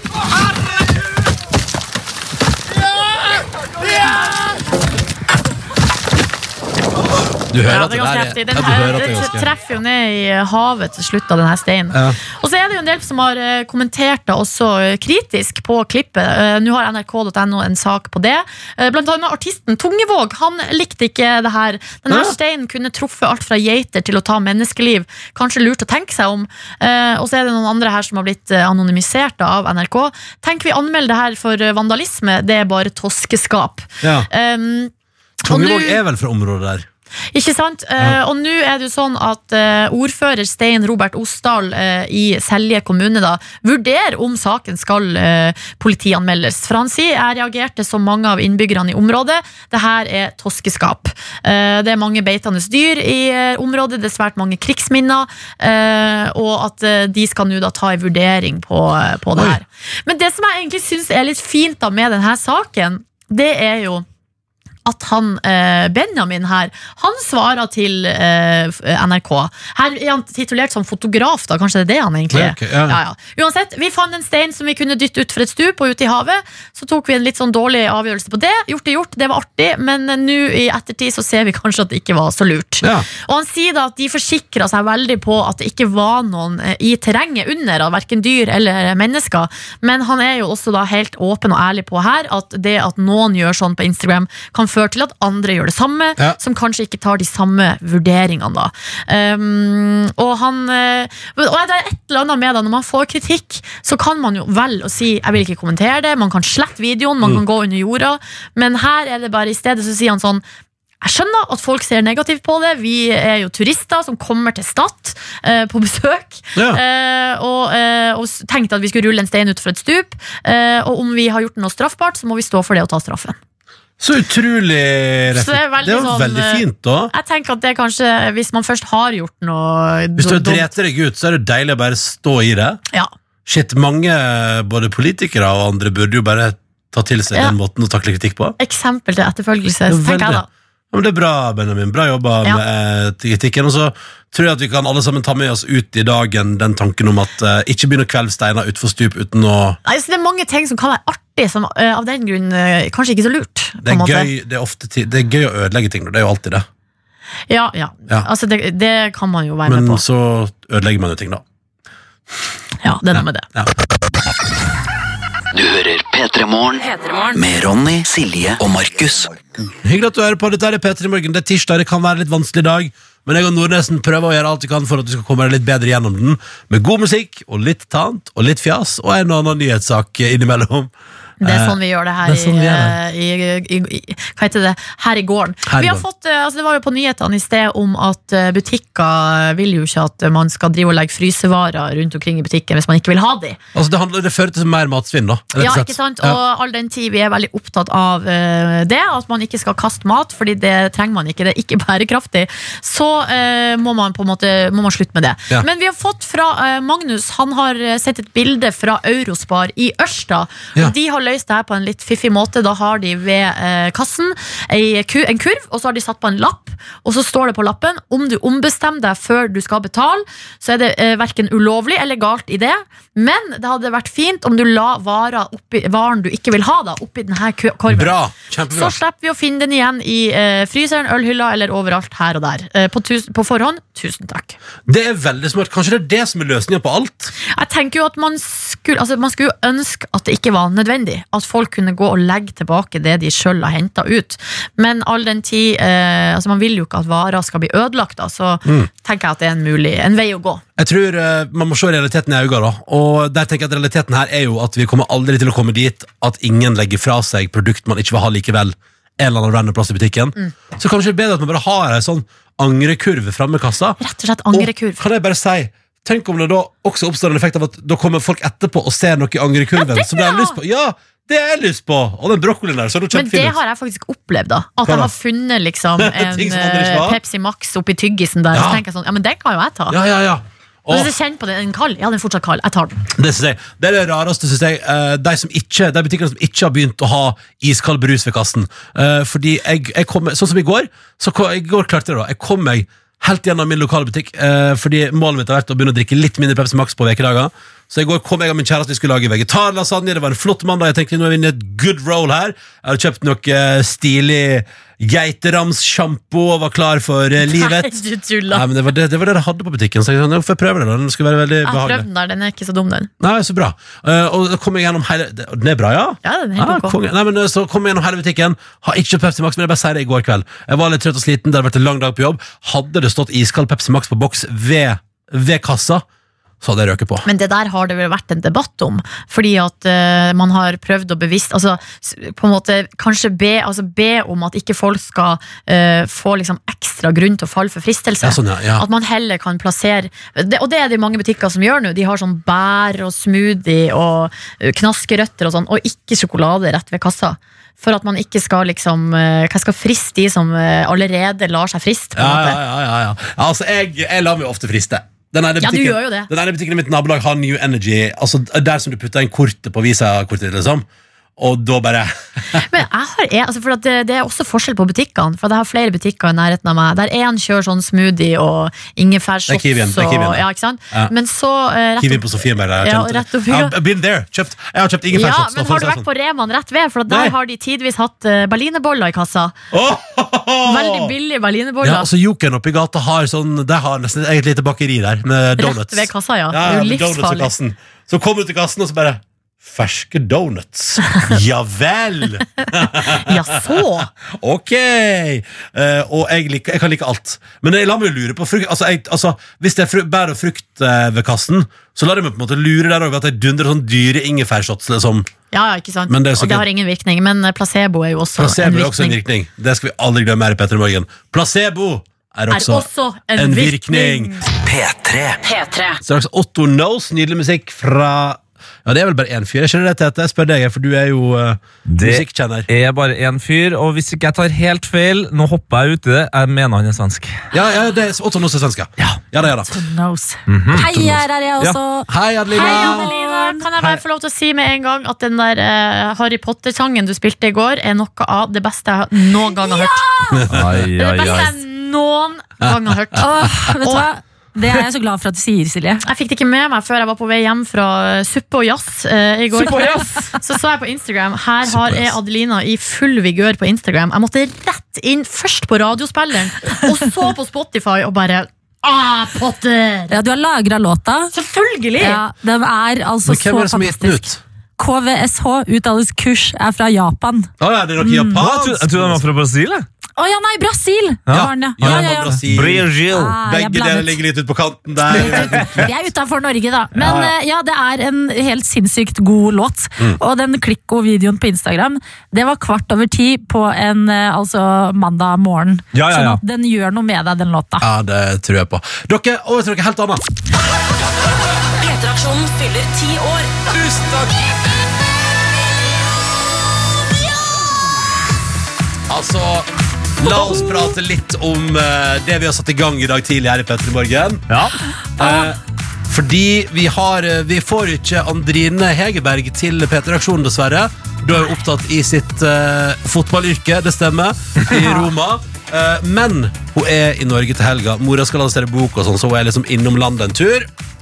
Og i den anledning så har vi sagt at vi kan tjuvstarte P3-aksjonen litt. Grann. Jeg tenkte bare skulle ta en liten siste mention av det her i dag nå, fordi vi har altså en spleis gående. Du finner link på P3 Morgens Facebook-side. Du finner det på spleis.no hvis du søker på Neby, som er Markus Neby. Og det vi spør om er Vil du bidra inn og samle penger til Care for at vi på fredag skal få tjuvstarte P3-aksjonen med en tverrliggerduell med Altså- Markus Neby og Andrine Hegerberg? La det skje, tenker jeg bare. Altså, men jeg må si, jeg holdt på å liksom sette kaffen i halsen, som man sier, da jeg våkna i morges og så 400 000 kroner er det som må til for at dette skal skje. Det er Altså- mye penger, men jeg har så troa på at dere, P3 Morgen, dere kan få det til! Ja, ja, ja, altså Det er så hårete. Ja, det, det er så hårete. Jo, men det, Vi pratet om det, fordi jeg tror, sånn som jeg forstår det, så tror jeg liksom at uh, det kan jo hende at, uh, at det blir rift i forholdet ditt her, eller at det blir dårlig stemning mellom Neby og Hegerberg. Altså, poenget, altså det, Jeg tror nok det går bra, altså, men poenget er bare at jeg tror begge to syns det her kan bli litt ubehagelig å gå inn i på Ja. riksdekkende radio. Og da prata jeg og Markus om det går. Ja, men faen, vet hva, da, eh, da får det nesten bare bli en god sum. Og så det, jeg- Vil dere høre regnestykket mitt? Ja. Regnestykket er Vi fikk inn 100 000 på én time i fjor for at Markus skulle møte Pål André Helland. Det her er, det her er gøyere. Ja. Eh, og da tenker vi har fire dager på oss. Da prøver vi altså at vi tenker at vi har en sånn time hver dag. da Vi er straks oppi, vi er altså, det, det går litt tregt der i starten, men jeg, jeg tror det kommer til å gå bra. Altså Vi har samla inn 40 000. Liksom. Vi har klart 10% nå, så det tenker jeg er dritbra. Ja, det tenker jeg også er Så vi er i gang. Altså, ja, jeg tenker at det ligger en nerve her, fordi at eh, Andrine er jo en fotballproff. Eh, men Hun- hun er, ja. Markus er jo Markus! altså, det er det som er. plutselig får han det til, liksom. Hva Ja, gjør ja. vi da? Men altså, det, det Markus-kjøret der, det er jo egentlig Altså, det er bare tull. Han, kjem, han må bli knust av sin eh, eh, fru. Det er lov å drømme, iallfall. Det, det, det er min største drøm. Ja, men- at, uh, at vi, at vi samler inn 400 000.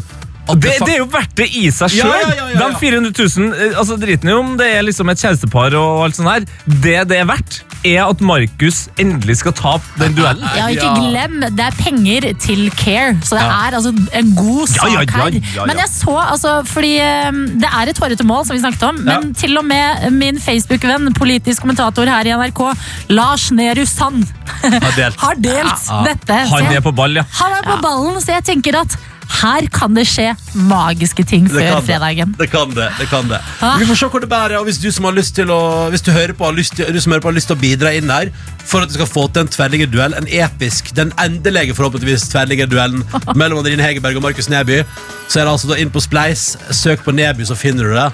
Eller gå inn på Facebook om P3 Morgen og klikk på linken der til spleisen vår. Du finner det, og det er, enkelt, det er enkelt. Jeg var litt sånn der, jeg kan jo ha litt teknologisk eh, Ja, du var sånn Det her går jo ikke an å bruke. Det her er så vanskelig. Nei, det viste seg å være utrolig lett. Det er så enkelt, ja. ja. Det var veldig, veldig lett. Og så var det bare sånn her å dunder vips, og så var det gjort på to sekunder. Ja, Jeg går inn og gjør det enda med en Ja, det er bra, Tete. Det er bra. Hiv på, du òg. Ja, ja, ja. Ja, ja, ja. Så får vi håpe at det skjer på fredag. Det har vært deilig å tjuvstarte P3-aksjonen med en episk duell. Åh, Så nå får vi fikk se jeg på nesten en litt sånn angstklump i magen. Hvorfor det? For at liksom, Jeg vil jo selvfølgelig at det skal skje, men hva skjer når det skjer?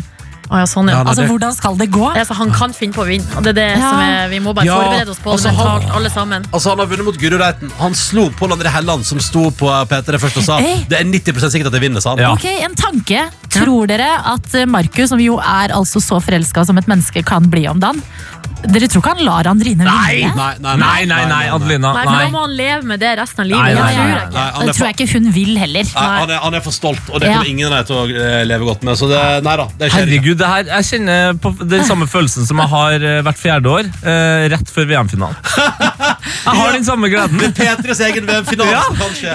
Det er veldig bra. det er veldig bra Ok, Det er på fredag. Du finner Spleis Hvis du går inn på spleis.no og søker på Neby, så finner du det. Eller bruk Facebook om P3 Morgen. Nå skal vi slutte å prate om det for i dag. Og så skal vi høre hva som skjer i norske tilstander, som dukker opp i radioen ganske straks. Ja, ja, ja. Her er vi jo et aktuelt samfunnsprogram hvor vi setter opp linja til Stortinget i dag Ja! for å prate med våre politikere. I tillegg til at vår reporter Ellen skal ut og utføre en meningsmåling i Trondheims gater. Spørre 100 personer om noe vi ikke aner uh, hva er helt ennå. Ja, uh, så vi skal keep it real. Ja, Dere skal keep it real. yeah. Yeah. You guys gotta keep it real. Oh, yes! det er nydelig. Det er Always nydelig. be keeping it real. Ja, fy fader, ass. Tete og Adelina i radioen etter klokka ti. Vi gleder oss. Ha en nydelig sending, dere. Takk, you. ha en nydelig dag. Dette er P3 Morgen. Med Ronny, Silje og Markus.